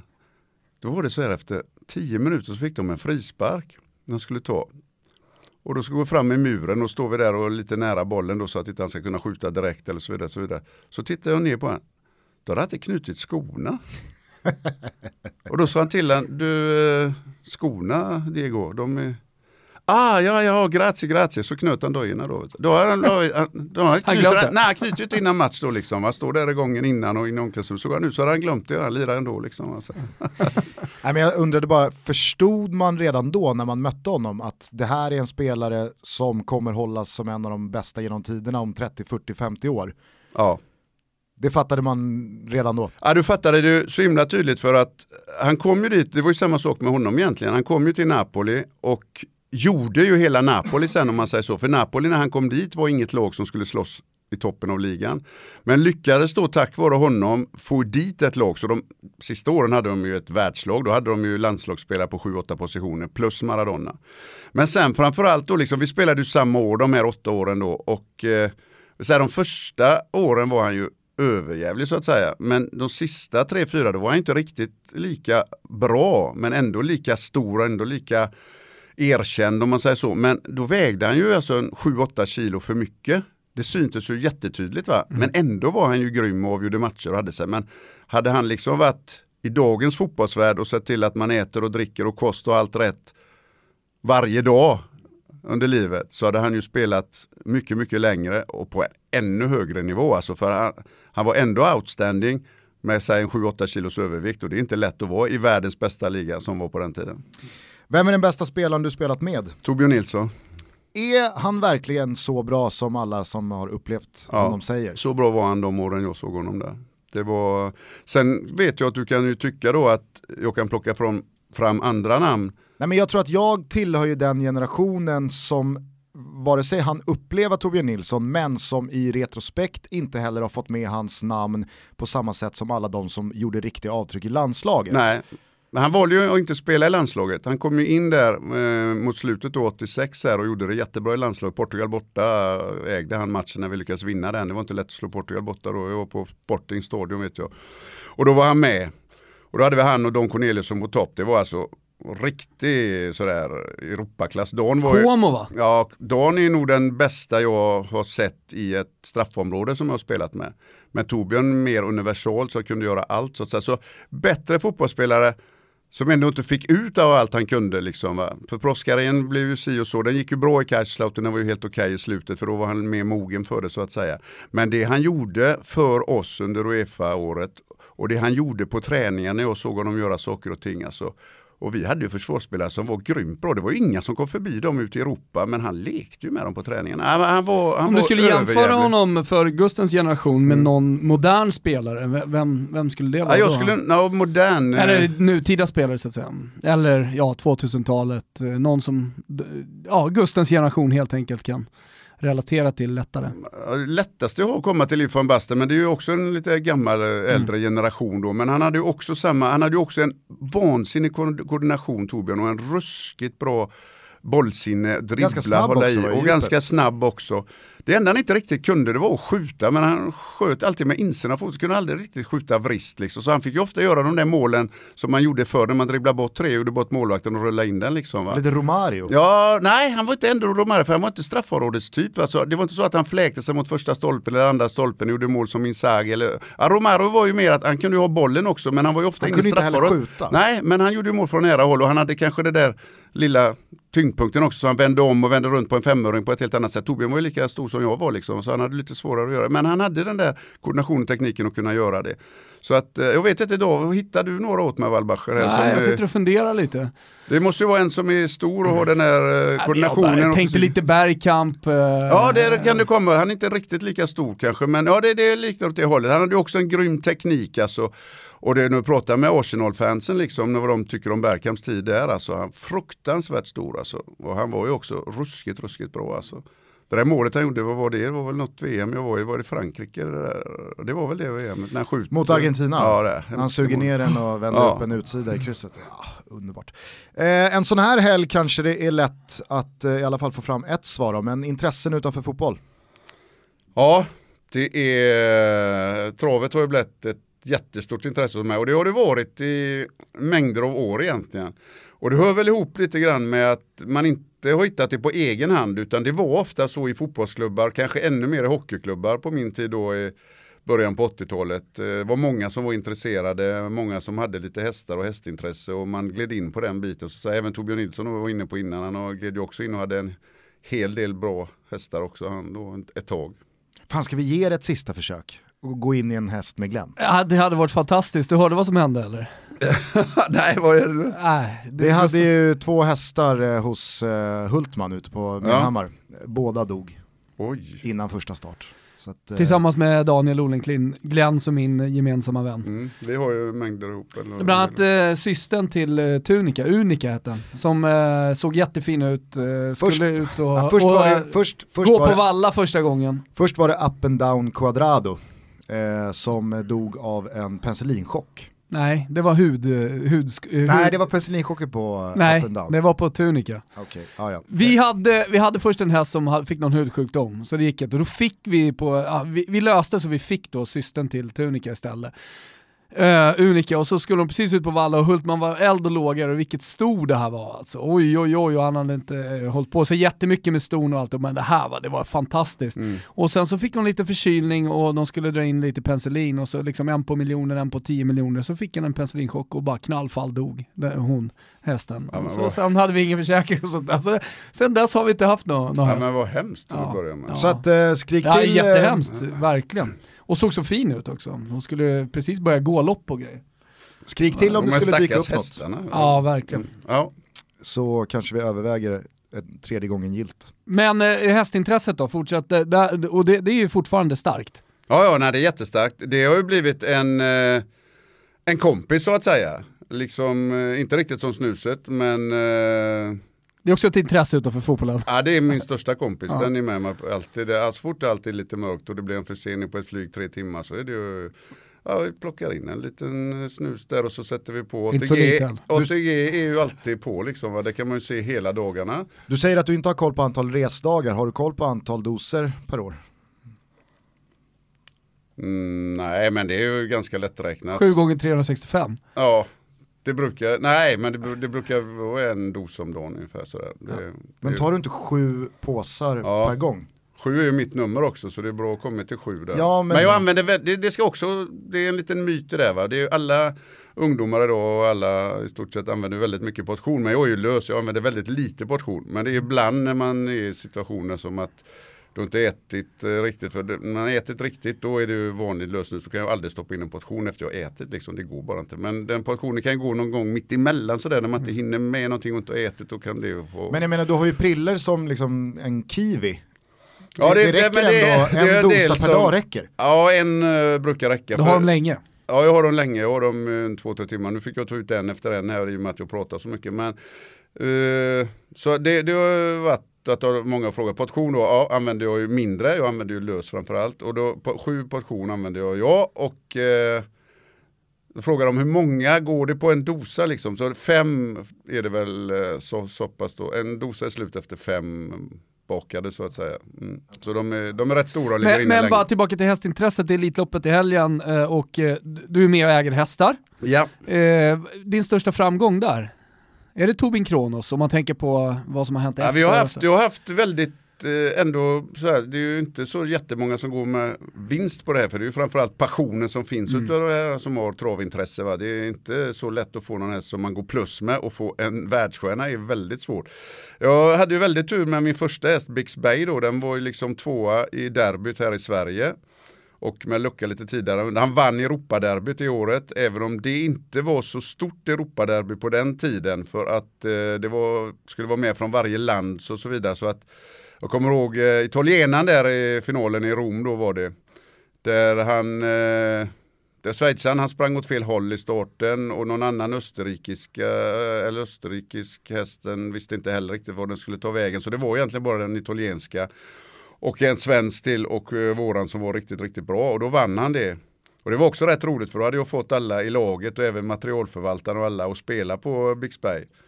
Så att eh, jag åkte in, jag tror att ihop då någonting så skulle vi hämta ut 250 000 svenska kronor på den tiden och så skulle vi dela på det då. Det var, skulle vi ge lite extra till materialförvaltarna och de här de tvättade grejerna och så vidare. Och det var faktiskt ganska roligt för då Inte pengarna då. Nej, ja men det, det, det spelarna liksom, det, ja, de var ju glada att de hade vunnit såklart. Men då var det ju liksom sådär att, eh, ja jag också åker ner och hämtar dem då. Och så, ja du har ju spelat där och fått ett kvitto. Men jag går in i den lokalen. Och det var liksom 11 på morgonen sådär. Ja det var nog lite tidigare, halv tio. Så jag skulle iväg och träna tio.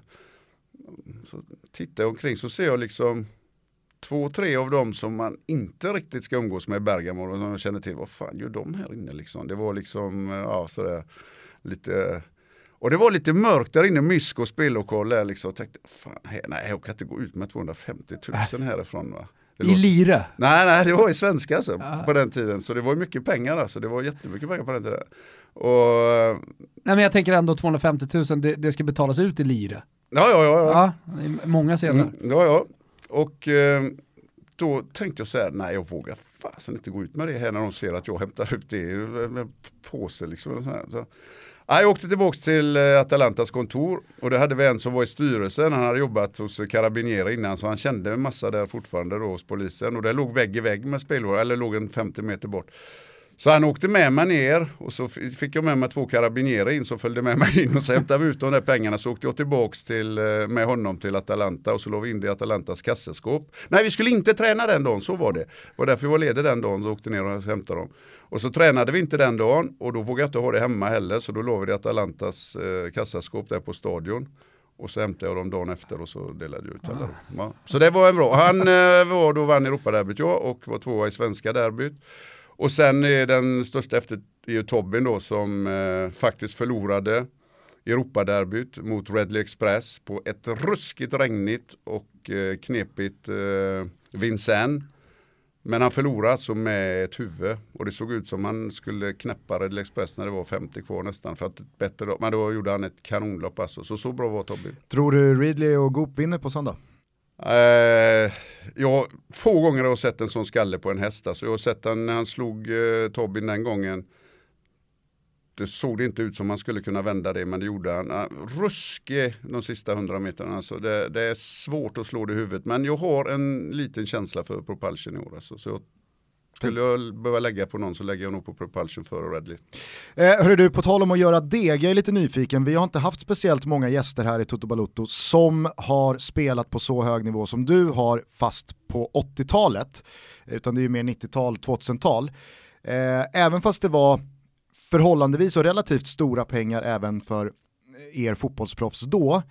Finns det någon bitterhet i er generation när ni ser relativt sämre spelare idag lyfta så ofantliga summor i lön. Unnar man en medioker spelare i Watford att tjäna 3, 4, 500 000 i veckan eller, eller sticker det i ögonen på något sätt? Jag kan ju svara på det här viset att det gör det inte. Jag unnar alla och tjänar så här mycket. Så jag undrar mig själv också egentligen att göra det. Så då är det svårare, jag skulle också vilja ta haft det men jag undrar Nej, men de andra jag tänker? Ja, att man känner så här, ekonomiskt så pikade man fel tid. Men det är ungefär som när man ställer, jag kommer inte ihåg vilka reporter som var nere och pratade med Breitner när han var uttalad då eh, åt vänsterhållet till rejält och så kom man till det här mötet med en stor jäkla Porsche. Och då säger den här eh, som intervjuar då, svensk, jag kommer inte ihåg vem det var men det är en av de gamla stora. Så säger de, men eh, herre Breitner, eh, ni som är så riktigt eh, inriktat åt vänster och uttalar det klart och tydligt hela tiden i mängder av saker i tidningar och så vidare. Och så vidare, och så vidare. Eh, varför, och så kommer ni i den ruskigaste Porschen som finns liksom, eh, hur går det ihop? Ja, jag tycker alla ska ha Porsche och Breitner. Så då löste man det. Det är ungefär så jag tycker alla ska känna bra. Men jag har lite stories för de grejerna för att eh, vi säger jag, eh, jag hade ju när jag la av, då hade jag ett treårskontrakt framför mig och det var inte riktigt då det började men så att det började i mitten på de tre åren där ungefär, jag la av 92 så det började i Italien ta tag rejält sådär runt 94-95.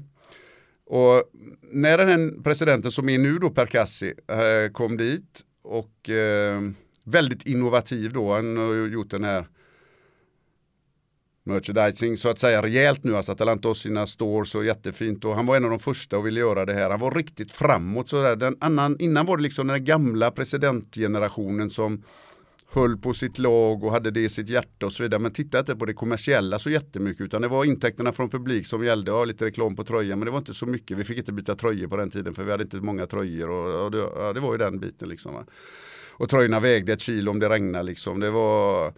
Men han var, då sa han så här till mig efter jag hade lagt av då att eh, vi måste ta hit en storstjärna nu här och visa att Atalanta vill satsa och komma ändå högre upp liksom och inte bara hänga kvar. Ja visst så, det är ju jättekul. Ja. Fundera att ta hit eh, Alemao då från Napoli, det är ju ett himla namn, brassen där. har spelat Maradona där och, och så, ah, inte Alemao sa jag. Det var han som låg sen han fick ett mynt här i huvudet och låg helt utdöd och de vann matchen 3-0 mot Bergamo. Så Bergamo-folket var ju vansinniga. Och det blev också en grym story för att då kommer ju deras materialförvaltare in till Alemau när han ligger på planen. Han känner ju ingenting, alltså ett litet femöresmynt liksom som träffar här mitt uppe på toppen på huvudet. Det kändes ju inte ens gång. Och så säger han, ligg kvar, ligg kvar, ligg kvar. Och så satte de igång efter någon vecka så gjorde de en eh, skojade skojare om den här materialförvaltaren. Han hette också Armando som Diego, det var alltså Diegos följeslagare, han följde honom överallt. Så de sa till honom så här, du, du ligger jäkligt illa till Armando. Eh, Atalanta har tagit dit en som läser på läpparna. Så att eh, den här domstolen nu som ska döma här, de kommer att se allt vad du har sagt så du ligger jävligt illa till. Han flydde, han åkte iväg 14 dagar, de visste inte var han var. Han var inte kvar i Napoli alltså, han blev livrädd. Men eh, hur som helst då, så löste det sig så att ja, de vann den matchen med 3-0 då. Och eh, ja, det ändrade inte oss för något i året, vi hängde kvar i vanlig ordning så det var inga problem. Så, men ta dit honom då, han var inte så eh, bra sedd och så var han lite äldre då, han var väl uppe i 33-34 års ålder, 32 i varje fall. Eller han är nog äldre än vad jag är. Så hur som helst så kommer han dit. Ja, så går hans kontrakt ut och så träffar jag presidenten något år efter så sa han, du Glenn, du hade rätt om det. Alemau på två år, han tjänade mer än vad du gjorde under 15 och han spelade sex matcher. Så det var ett felköp helt enkelt. Och eh, det var då pengarna kom in i Italien, det var på den tiden. Får man fråga vad, vad som eh, låg på bordet i ett sånt där treårskontrakt med Atalanta 92? Eh, ja, då hade det kommit upp lite grann. Eh, vi hade 500 000 hade jag om året netto i eh, Benfica. Svenska? Svenska. Och det var mycket pengar på den tiden. Men eh, det var ju också, det var ju kutymt, det var också rätt roligt faktiskt för att det kommer in när folk frågar ändå, journalister och så vidare. Hur känns det nu här att tjäna pengar här, kommer från IFK Göteborg och så får du tjäna de här pengarna i Benfica. Och, och då visste jag ju att det var så här att alla spelarna i eh, Portugal betalade 5000 kronor, betalade de skatt på. Resten var liksom så att inte klubbarna fick för betungande saker. Det fick man, kunde man dela ut ja, så att säga, inte svart. Så, det, det var så kutymt att göra på det viset med mm. klubbarna. Men för en svensk så kändes ju det väldigt knepig metod. Va? Så jag vågade ju aldrig säga det. Va? Så att när de kommer in, journalister, hur känns det? Nej, jag tjänar inte mer här än i Sverige, 5000 i månaden. Nej, men jo, men vi vet ju om det är. Du, du, du vet väl du också om att i, i böckerna står det fem på varje spelare som är med. Men eh, sen får ni ju utanför då som inte är skattebeskyldigt så att säga. Nej, det känner jag inte till. Det Dåtid. Dåtidens portugisiska artistskatt. Ja, exakt, ja. det var så. Och det, det känner jag inte till. Det känner jag inte till. Sen i Atalanta, då var det rätt roligt för då satt vi och diskuterade första kontraktet. Då började det med eh, 1,2 miljoner 50 000. Första året och så blev det väl... Så 100 000 netto i månaden? Ja, kan man säga. Ja men det var ju det, det att det var netto. Mm. Eh, men när jag satt där med Börje Lantz då som var, eh, han hade ju en cigarr som var längre än honom själv liksom va? men eh, han hade ju väldigt eh, mycket kontakter på den tiden så att säga. Så han var eh, en bra person att ha med sig och lärde känna hela deras familj och hjälpte mig väldigt, väldigt mycket. Eh, då sitter vi där hos Atalanta och det är fullt av folk. Jag blev helt chockad den första dagen jag kom dit. Det var som Caesar fick ut på balkong och vinka och allt och de stod och skrek. Det var flera hundratusentals utanför och de stoppar ungefär som de gör mopederna i Florens, Valbache som du känner till. Va? Det är ju liksom skoter överallt så de fick stänga av Gamla stan och åka igenom portarna så ställde polisen sig på tvären för annars så lämnade de inte bilen när jag åkte därifrån sen. Ja, det var helt kaotiskt. Och då sitter vi där och så diskuterar vi kontraktet då skulle det vara de här 1 och 5, då skulle det bli 1 och 5 sista året och så det blev lite högre varje år. Och då säger jag till Börje så här, du eh, där i Portugal var det ju sån där tiskat som du säger, eller det var ju kutymt att göra på det viset. Där. Men hur är det här i Italien? Ja, det ska vi ta reda på Glenn.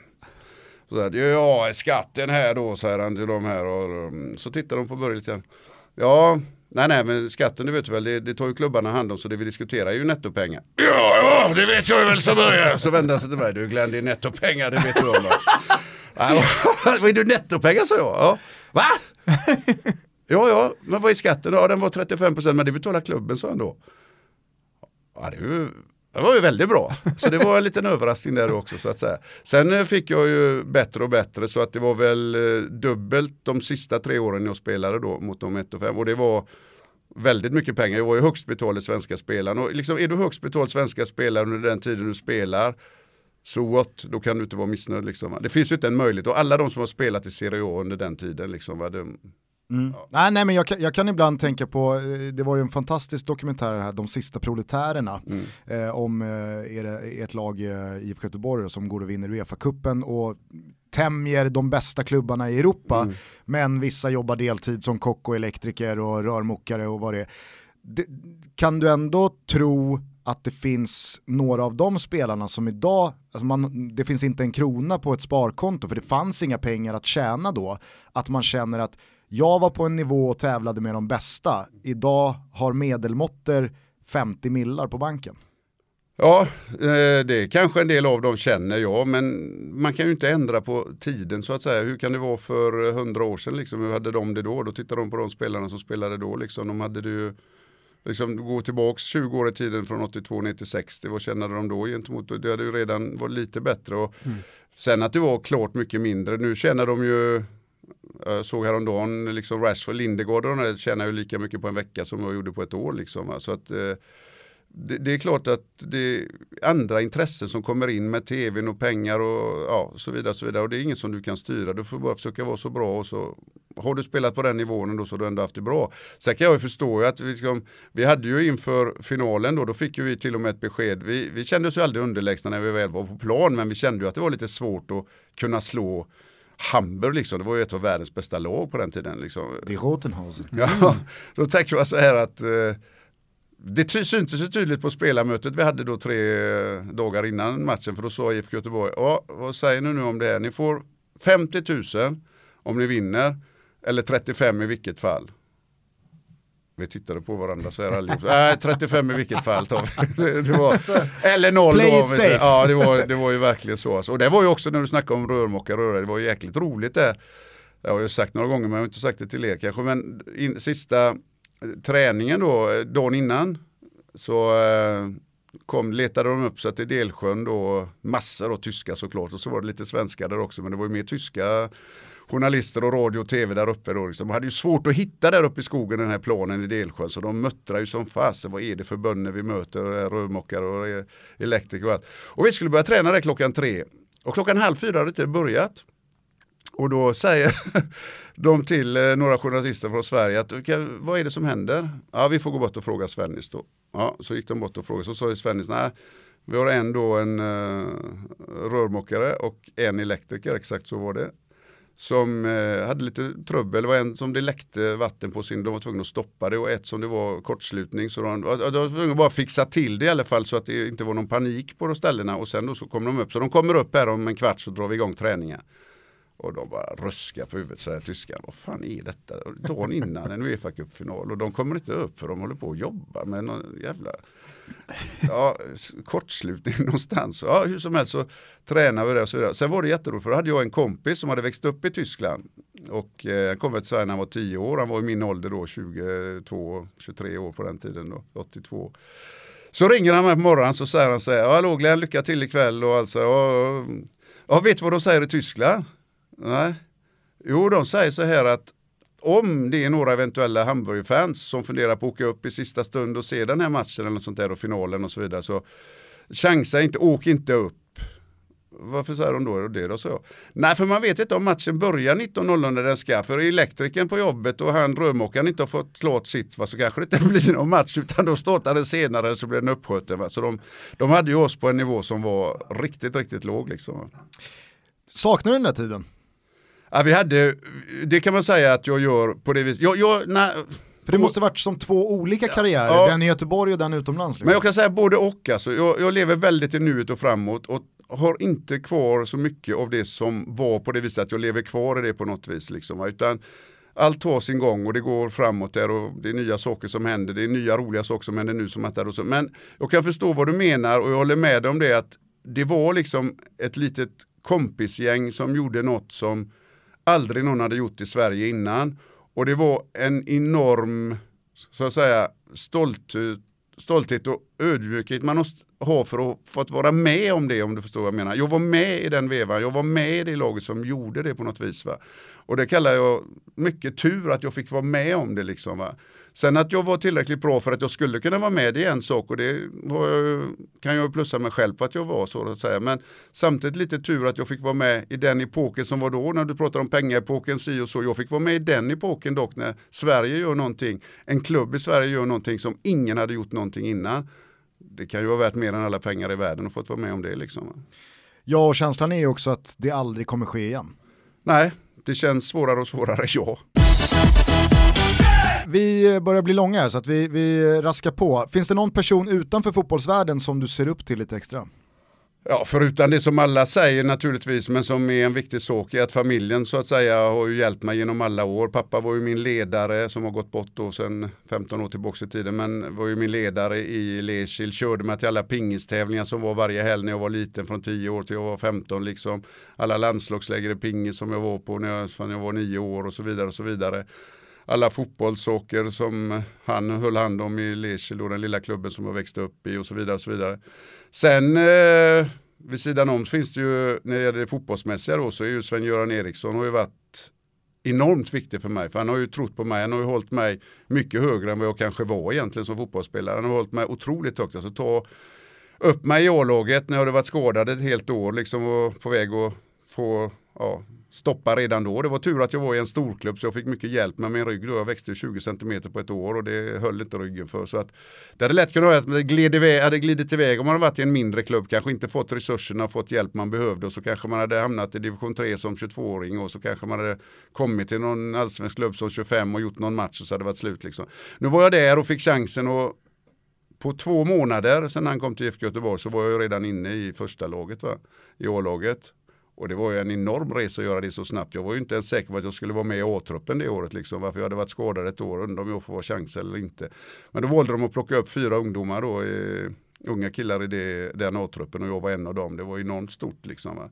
Så att eh, han har betytt jäkligt mycket för mig. Och sen tar han mig till Benfica. När han säger då, liksom att, ja, har vi tid sa du eller? För den första dagen i Benfica, den, har ni, den är den värsta jag varit med om. Det är den annorlunda dagen i hela mitt liv. Väl, Hur mycket som helst. Den, då säger Sven-Göran till mig så här att eh, du får komma ner och så ska du träna direkt. Vi ska visa här att eh, du är en svensk viking. Du kommer ner direkt och tränar. Men lägg då dojorna i handbagaget för de snor så himla mycket på Lissabons flygplats. Så att eh, du kommer direkt, de hämtar dig så åker du direkt och så rätt in och träna bara.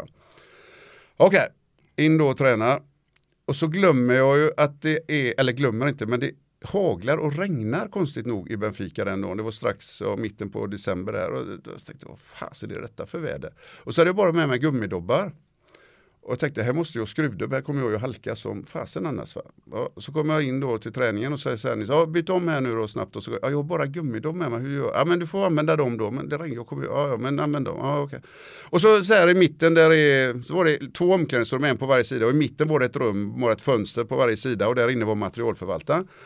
Och eh, det fönstret satt rätt högt upp, sådär 1,60 upp. Eh, så fick han, la han ut liksom en liten box med grejer, en plastbag, så låg det kläder i den. Och, men det kom inget ut till mig, jag satt där själv och Svennis var ute på plan för de hade redan börjat träna. Så då tänkte jag varför kommer inga kläder? Undrar om man ska ropa på någon. Man var ju lite sådär halvskärrad ändå liksom. Det var första gången man var proffs liksom, och nere i Benfica, det var ju stort som apa.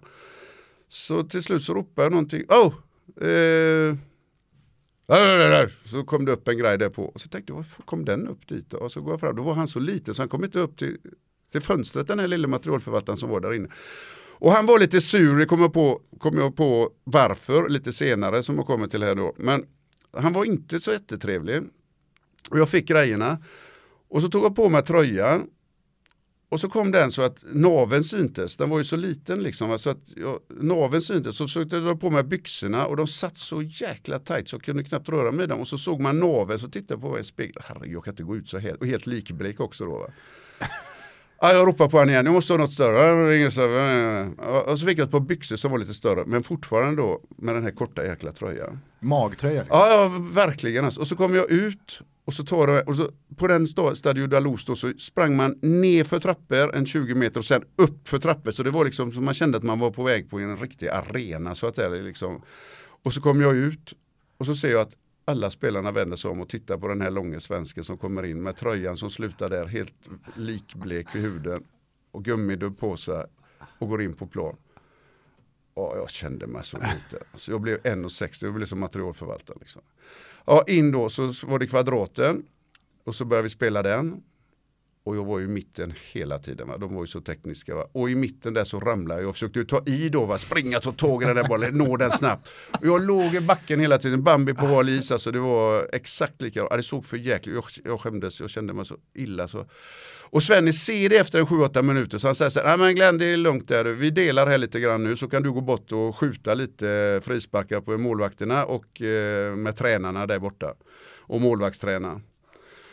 Så jag tummarna upp så här till Svennis och säger, åh skönt att du såg det, härligt för att och skjuta där med dem istället då. Nu ställde de upp en liten stålmur där och som var på den tiden och så, så skjuter en eh, av dem, eh, ja, precis sådär och så lägger jag upp bollen och jag kunde inte riktigt skjuta så bra. Liksom. Jag hade alltid hårt tejpade fötter så jag kunde inte skjuta vrist för man kunde inte böja foten. Det var ett aber i hela min karriär. Men ja, jag var tvungen att ha det. Så, men jag sköt första sådär en halv meter utanför krysset. Rätt bra fart ändå, kände mig rätt nöjd. Jag tyckte, ja, det var ju rätt fräckt. Så kommer det fram en gubbe som han går lite knackigt och mössa på sig av handskar och vantar för det var ju kallt som satan för dem framförallt då. Va? Det var inte så kallt för mig men det var ju regnigt och blött. Och, Du hade ju magtröja. Ja, magtröja också till och med, men jag frös inte så mycket. Så ja, då tar han några steg fram så där lite knackigt och så pam, rätt upp i krysset det första. Titta, ja, vad gjorde han där nu då? Det är jag som ska ha kontrakt här liksom, eller har fått. Ja, och lägger ner den igen och så sa jag bra gjort, eh, good, good. Och så lägger jag ner den igen. Så skjuter jag på andra, försöker dra andra krysset. Alltså där ändå rätt en meter utanför men inte, inte så illa ändå, ser rätt hyfsat ut. Så lägger han ner bollen, knackar fram med sitt knä så POM! Rätt upp i andra krysset igen, stolpe in och krysset in där. Ja, vad fan är detta? Tredje sköt jag rätt i muren, liksom rätt i backen. Jag tänkte, nu kan jag inte stå här med den här tredje tränaren och skjuta sämre än vad han gör också. Det hade väl gått en tio minuter vi höll på med det där så hör jag precis när jag skjuter den där sista i så ropar han så här Svennis, du Eusebio, ta med dig konerna så kommer du bort hit. Då var det ju deras största genom tiderna som var ungefär som Maradona. Så då kände jag mig lite lugnare i alla fall då. Jag tänkte, ja det var han som sköt ändå liksom. Trots att han hade knackigt knä så var det inte så illa ändå. Va? Så går vi in i omklädningsrummet och så ropar Svennis in mig och det var då den här skulle avslutas. Då säger han så här, nu gör vi så här. Att eh, du ska gå runt och hälsa på alla, ta i handen och så går kaptenen med där runt och säger deras namn och så vidare. Och så vidare. Men eh, hur har det varit så här, eller, så här långt? Ja, det har varit ett helvete eh, Svennis. Ja, ja men detta är lugnt. Eh, du ska bara hälsa på dem sen är en presskonferens. Sen åker vi ner, åker vi ner till Börje och grilla så är det klart. Ja, Okej. okay. Ja men jo, jag tog in det hit bara för att du kommer den tredje som du får. Det är en med en asiatisk eh, frisyr och han är, ser asiatisk ut. Och han hade en smällare i sin högerhand när han var liten. Så han har bara en klump och så två små saker som sticker ut. Men du bara tar den och hälsar helt normalt så vidare. Inget krångligt alls med det. För eh, det, han är den bästa och han pratar engelska. Han, det är han du kommer att ha bäst kontakt med och så vidare. Så bli inte nervös när du ser den. Eller sånt där. Äh, det var ruskigt bra att du sa det Svenny. Så det annars visste jag inte. Ja, så tar jag den första, så den andra och så den tredje kommer han här och så jag tar det riktigt. Jag ser nästan det gör ont i honom så hårt kramar jag det för att visa jag är liksom, jag kan det här. Jag är på, hemma på mammas gata här och kramar den riktigt hårt liksom. Va. Uh, så går jag förbi så kommer jag till fjärde. Och så tar jag hans hand, tittar ner lite och så känner jag mig väldigt tillfreds igen. Det börjar komma rätt här nu då. Va? Han presenterar. Då har han sex fingrar. Nej, vad fasen är detta tänkte jag. Så jag tittar lite extra. Jo, då har han en till där som kommer så han har sex va. Ja, fan det har inte Svenny sagt. Ja, är det verkligen så? Jo, det var sex. Så du ställer och räknar? Ja, ja, jag såg det tydligt, tydligt. Det kom ut, det var sex. Sen när jag väl ska åka så tittade jag extra på den då. Ja, det var sex. Så. Så tar jag en till och så tar jag en till och så hör jag Svennis som går med bakom kaptenen och säger Glenn, tittar de i ansiktet när du hälsar? Nej, fan Svennis, jag får titta på händerna på dem alltså, för det här var... Det här kost... Ja, det var hemskt då. Men det var, då, då var det så att då hade han sex, Alvar och vänsterbacken han hade sex. Så att eh, det var en verkligen annorlunda start. Alltså mina första två timmar var sådana när jag kom till Benfica. Men det gick bra ändå? Det gick bra. Ja, det gick bra. Eh, av allting du har upplevt, både på planen som spelare och från kommentatorsplats på läktaren, vilken är eh, den fetaste stunden? Ja, du de är... Det måste vara oerhört svårt att sålla. Ja, det, det, Dessutom olika. ja, det, ja, det, är, det är så många saker och det är många som du inte kommer ihåg. också. Det är ibland så att jag säger liksom på en lördag när jag kommer till England så kan de fråga vilken Champions League-match gjorde du i onsdags? Uh, vad var jag då liksom? Så, uh, men så här, fotbollsmässigt sett så finns det nog inget som slår just det där när vi sätter den här 3-0 mot eh, Hamburg borta liksom eh, och gör eh, en sak som aldrig hänt i Sverige. Det var för mig som spelare och som lag under min fotbollskarriär så där, som var riktigt, riktigt, riktigt stort. Alltså. Det var sådär makalöst stort som ingen trodde någonsin skulle kunna ske. Jag har en liknande känsla med, med andra motiv. Det var den gången vi lyckades gå upp med Atalanta. Vi åkte ner ett år i Serie B. Och eh, vi mötte Messina hemma i sista matchen med Toto Schillaci till och med i laget. Och eh, det var ju våra försvarare på han ganska tidigt och sa Toto, håll dig lugn idag här nu, va? ni har inget att spela för så ta det lugnt där. Ja, han hade inte, brydde sig inte så mycket. Och vi ledde med 1-0 och eh, det räckte för oss att gå, och gå upp då. Men så blir det en bråk mellan en av våra spelare och en av deras när det är fem minuter kvar. Och han blir så jäkla irriterad den här så han tar fart och eldar på två kompisar i laget. Nu ska ni få liksom så här. Jag tänkte vad fasen bråkade han med honom för nu vad är det som händer här nu då? Det var ju lugnt det här liksom. Eh, eller ja, det var mer, det var en kvart kvar. För det, matchen kommer sen och den slutade. Men då får de en hörna när det är så här en tio minuter kvar. Och den här bollen går det upp två nickar med och den dimper ner till den här killen vid straffpunkten ungefär. Och jag är fem meter ifrån. Jag ser hela det här året, jag spelade sista tre månaderna med en skada. Jag tränade ingenting på tre månader, bara spelade på matcherna. Jag kunde knappt röra mig, men jag stod där med kaptensbindeln mitt på plan och dirigerade och det tyckte han räckte, tränaren. Du måste spela Glenn. Ja. Jag tror aldrig jag varit så snabb i hela mitt liv. Jag såg liksom uppflyttningen gå upp i rök. Hela staden som får ett helsike ett helt år till. Allt försvann, allt blir svart. Liksom, allt. Jag tror aldrig jag har kommit fem meter så snabbt och slänger mig ungefär som man slänger sig i hockey när man täcker ett slagskott. Liksom, va. Vräker mig fram med all kraft jag tänkte, Den här bollen får han bara inte skjuta in. För jag såg i hans ögon att han tänkte försöka dra in den här jäkla bollen. Alltså. Och jag hinner precis dit och få den träffad rätt i bröstet knallhårt. Och då kände jag så här att wow, nu klarade vi det här. Och sen går det två minuter till. Och då blåser domaren av matchen sex minuter innan, eh, han blåste av i 84 minuten för folket började komma in på arenan och, det var, och de hade inget att spela för som tur var så det funkade i Italien på den tiden. Han blåste av matchen.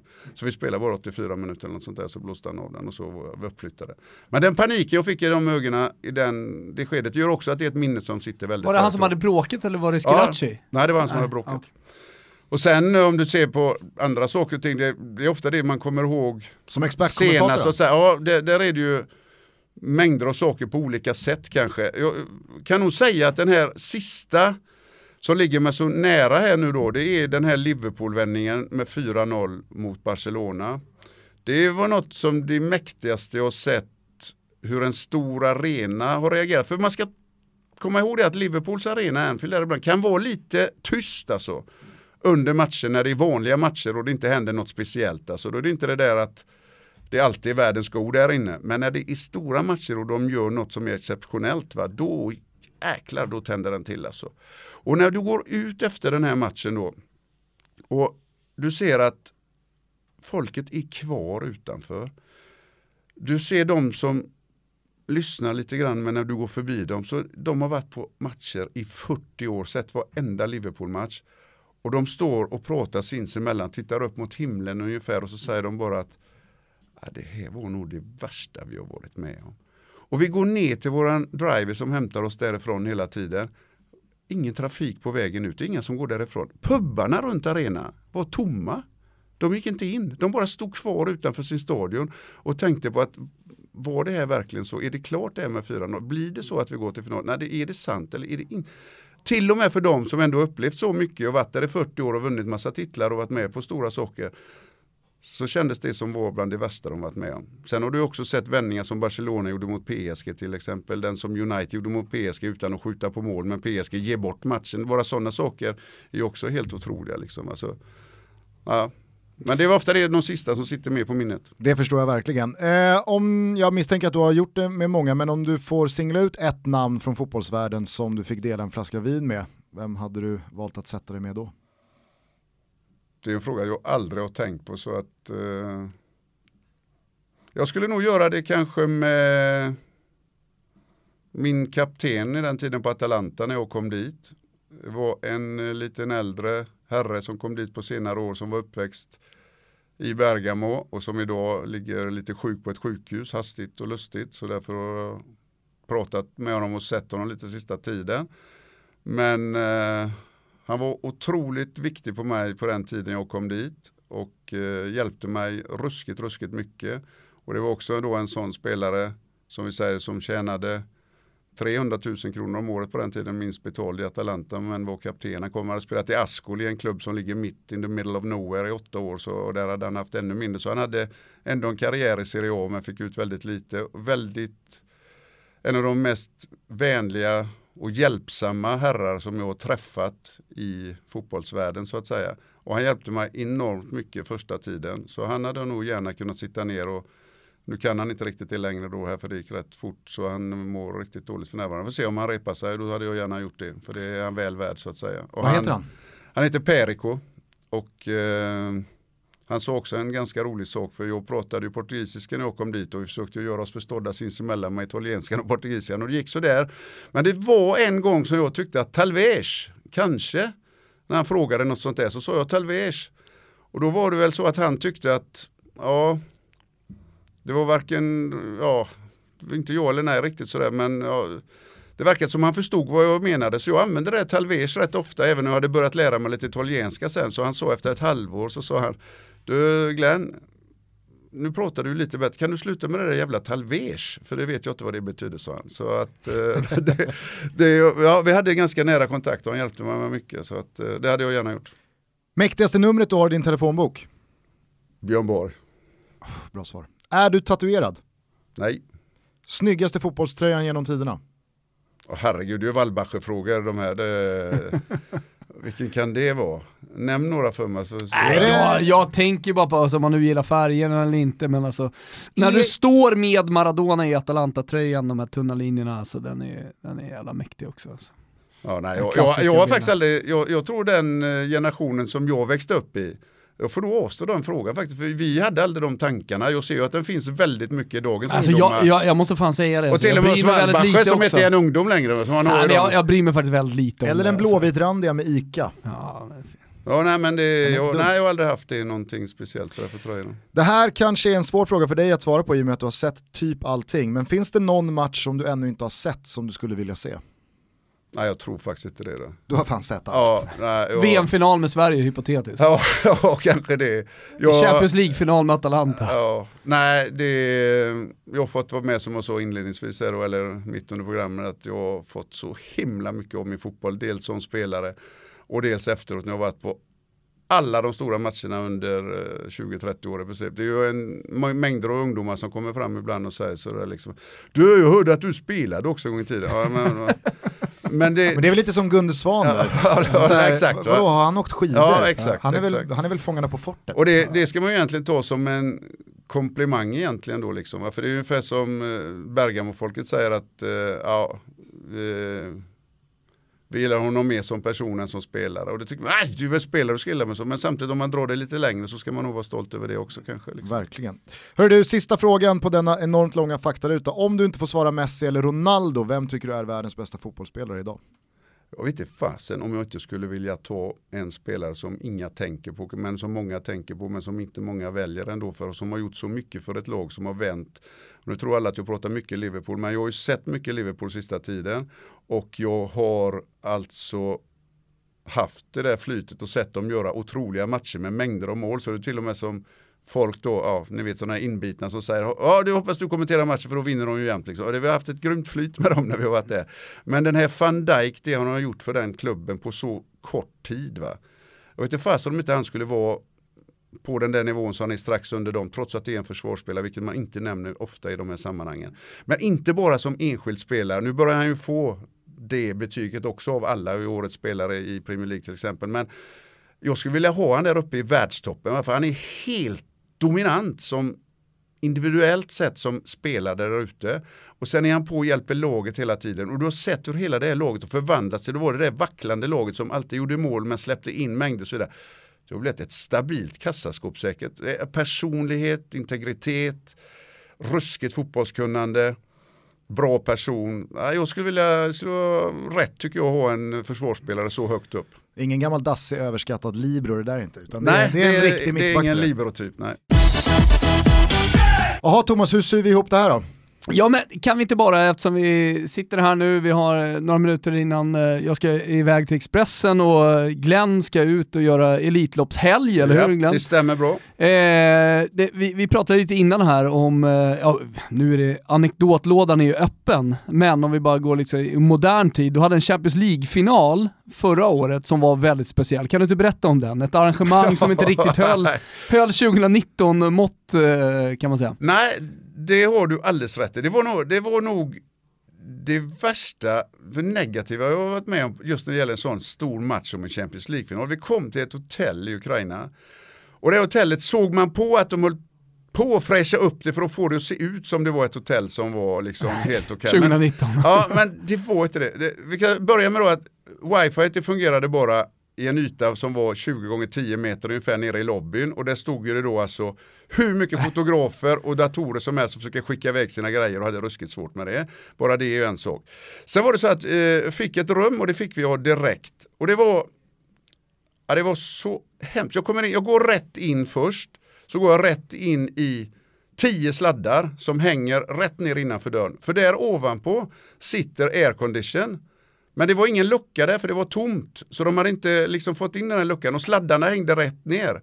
Så att jag gick rätt in med huvudet i dem och blev rädd och trodde det var el kanske i dem eller något sånt där också. Och flyttade mig snabbt som satan och ja, fortsätter in i rummet. Och så ser jag att det fanns en tv. Försökte trycka på den men den funkade inte. Och så tittade jag ut, fanns det ingen gardin och solen stod ju på alltså knallhårt rätt in. Och det kan vi säga, jag sov nog två och en halv timme på två nätter för klockan fyra var det full sol in i rummet. Inga gardiner fanns, några försökte hänga upp lakan och allting. Ja, eh, hur som helst så går jag fram mot eh, fönstret som var ganska låg karm. Så att säga, så man stod med knäna mot den, det kändes lite svindelaktigt, det var på femte våningen. Och så tittar jag ut och så ser jag att det är ett demolerat parkeringshus på andra sidan. De håller på att slå sönder det i varje fall. Så, där. så ja, det var ingen trevlig utsikt. Jag fick tänkte jag, men det gör inget, ska vara här i två dagar. Så, ja. Men jag tittar ut och tycker det ser lite suddigt, det ser lite konstigt ut. Det är något som inte riktigt stämmer. Så jag försöker känna om det är smutsigt rutan eller något sånt där. Då, så trycker jag på handen och så inte så att jag tappar balansen för jag var försiktig. Men då går ju handen rätt igenom. Så det fanns inget glas. Det var bara ett tomt utrymme liksom. Det, ja, det var helt sjukt va. Och då tänkte jag så här, försöka ringa ner till eh, receptionen. Det fanns ingen telefon på rummet så jag fick ju gå ner. Och då säger han så här att eh, ja, när vi håller ju på och byter det där och då har de glömt att sätta in glaset. Men det kommer rätt om tre, fyra timmar då. Nej men helvete, nej. Ja, ja, ja, så fick jag ett nytt rum då i varje fall. Och så in i det rummet, det var likadant i rummet men jag hade ruta i det då i varje fall. Va? Och så skulle vi iväg eh, på en grej, vi skulle spela in en snabb grej. Då hör jag att Bjur knackar på dörren. Och så, får jag komma in då och knäppa slipsen? Har du något, eh, någon spegel? Ja, det har jag säkert inte. Så akta dig för sladdarna där som hänger. Ja, så, jo, då hade jag en spegel på toaletten men det hade inte han. Han hade ingen spegel i hela... Och så låg vi där och, försökte sova och den här solen stekte in klockan fyra på morgonen. Det var helt omöjligt. Och eh, kommer ner och tar första frukosten. Och så säger jag så här, jag provade den här juicen som fanns där. Det var alltså så äcklig, konstig, söt juice. Ja, det gick bara inte att dricka. Så jag får lite vatten bara. Yes, but then you have to pay. Jag tänkte, vad är detta? Nu får jag inte ens vatten på frukost. Liksom. Det är väl det vanligaste man får. Liksom. Nej, jag fick inget vatten heller. Så de höll på att bygga på det här hotellet. De höll på att göra en ute servering bara för efter matchen så skulle de ha massa folk där men själva hotellet hade de glömt av. Så ja, det var det värsta Fan läskigt med fönstret. Ja, det fönstret var helläskigt. Du hade alltså. ju lika gärna kunnat trilla ut. Nej, man, ja, man hade, hade man haft riktigt otur så hade du man... hade tryckt på. Ja, i och med att det var så låg karm på den så att knäna var liksom över karmen. Ja, det var en hemsk upplevelse. Vi önskar dig och Bjur en mer behaglig upplevelse i Madrid då nästa helg. Det kommer det säkert att vara. Där vet vi var vi ska vara, där vet vi var arenan är, vi har varit där förr så att det blir långt. Vad är känslan inför finalen? Kan Tottenham eh, skrälla igen? De kan skrälla kan de, men de får nog ha eh, lite flyt ändå. Det, du förstår själv där att det beror ju lite på alla skador, vilka som kommer att vara med eller inte med, vilka får de tillbaks, får man inte tillbaks, hur mycket, eh, ja, massa, ja, myglar de bort där och säger vilka som spelar och inte spelar. Men vi har ändå sett att Liverpool klarar av det på ett lite bättre sätt. Jag tror att Tottenham behöver liksom ha, i varje fall, Dele Alli tillbaks i sin stora form. Eriksen behöver göra sin stora match så att säga. Kane hade ju varit grymt för dem om de får han tillbaks. Det ser väl tungt ut även om de trodde det från början. Eh, och Mora, hur ska man kunna ta bort honom från den här matchen? Kommer ni ihåg att han gör mål i sista sparken? Det gör ni ju. Ja, ja, Men kommer ni ihåg vad det var i december? När de var ute mot Barcelona Ja, och. Barcelona inte har något att spela för. Och han också hittar den där sista sparken eller några minuter kvar bara som gör att de går vidare så att säga. Så han har varit med, det måste kännas ruskigt svårt för managern att släppa honom utanför det här. Och då har han ju sån att välja på också. Det kan ju lösa sig om inte Kane spelar, då blir det kanske lite enklare. Men just de där framme, de där fyra som sticker ut som avgör matcher för dem, de måste ju vara på topp i sådana fall. För Liverpool, de måste ju vara favoriter till det. Ja, det blir en otrolig Champions League-final att följa. Missa inte det när Bjur och Strömberg tar den här internationella säsongen i mål. Stort tack Glenn för att du kom och gästade Toto Balutto. Tack själva! Eh, och ha en eh, väldigt, väldigt trevlig helg på Solvalla. Jag både tror och hoppas att vi kanske springer in i varandra. Det gör vi säkert. Eh, med det sagt Thomas så önskar vi väl alla en trevlig helg och säger på återhörande. Det gör vi. Stort tack Glenn eh, att du kom hit. eh, Den sista podden då, om det inte är i arbetsnamn. Det lär bli så ja. det lär bli så. Och så är det så, alla gäster som kommer hit, de får också gå ut på en låt. Nu har du säkert inte funderat på det här, men du, du, du har väl en låt eh, som du vill att vi spelar här när, när, vi, när vi avrundar? Ja, jag tror nog att jag väljer eh, Waiting on a friend med Rolling Stones.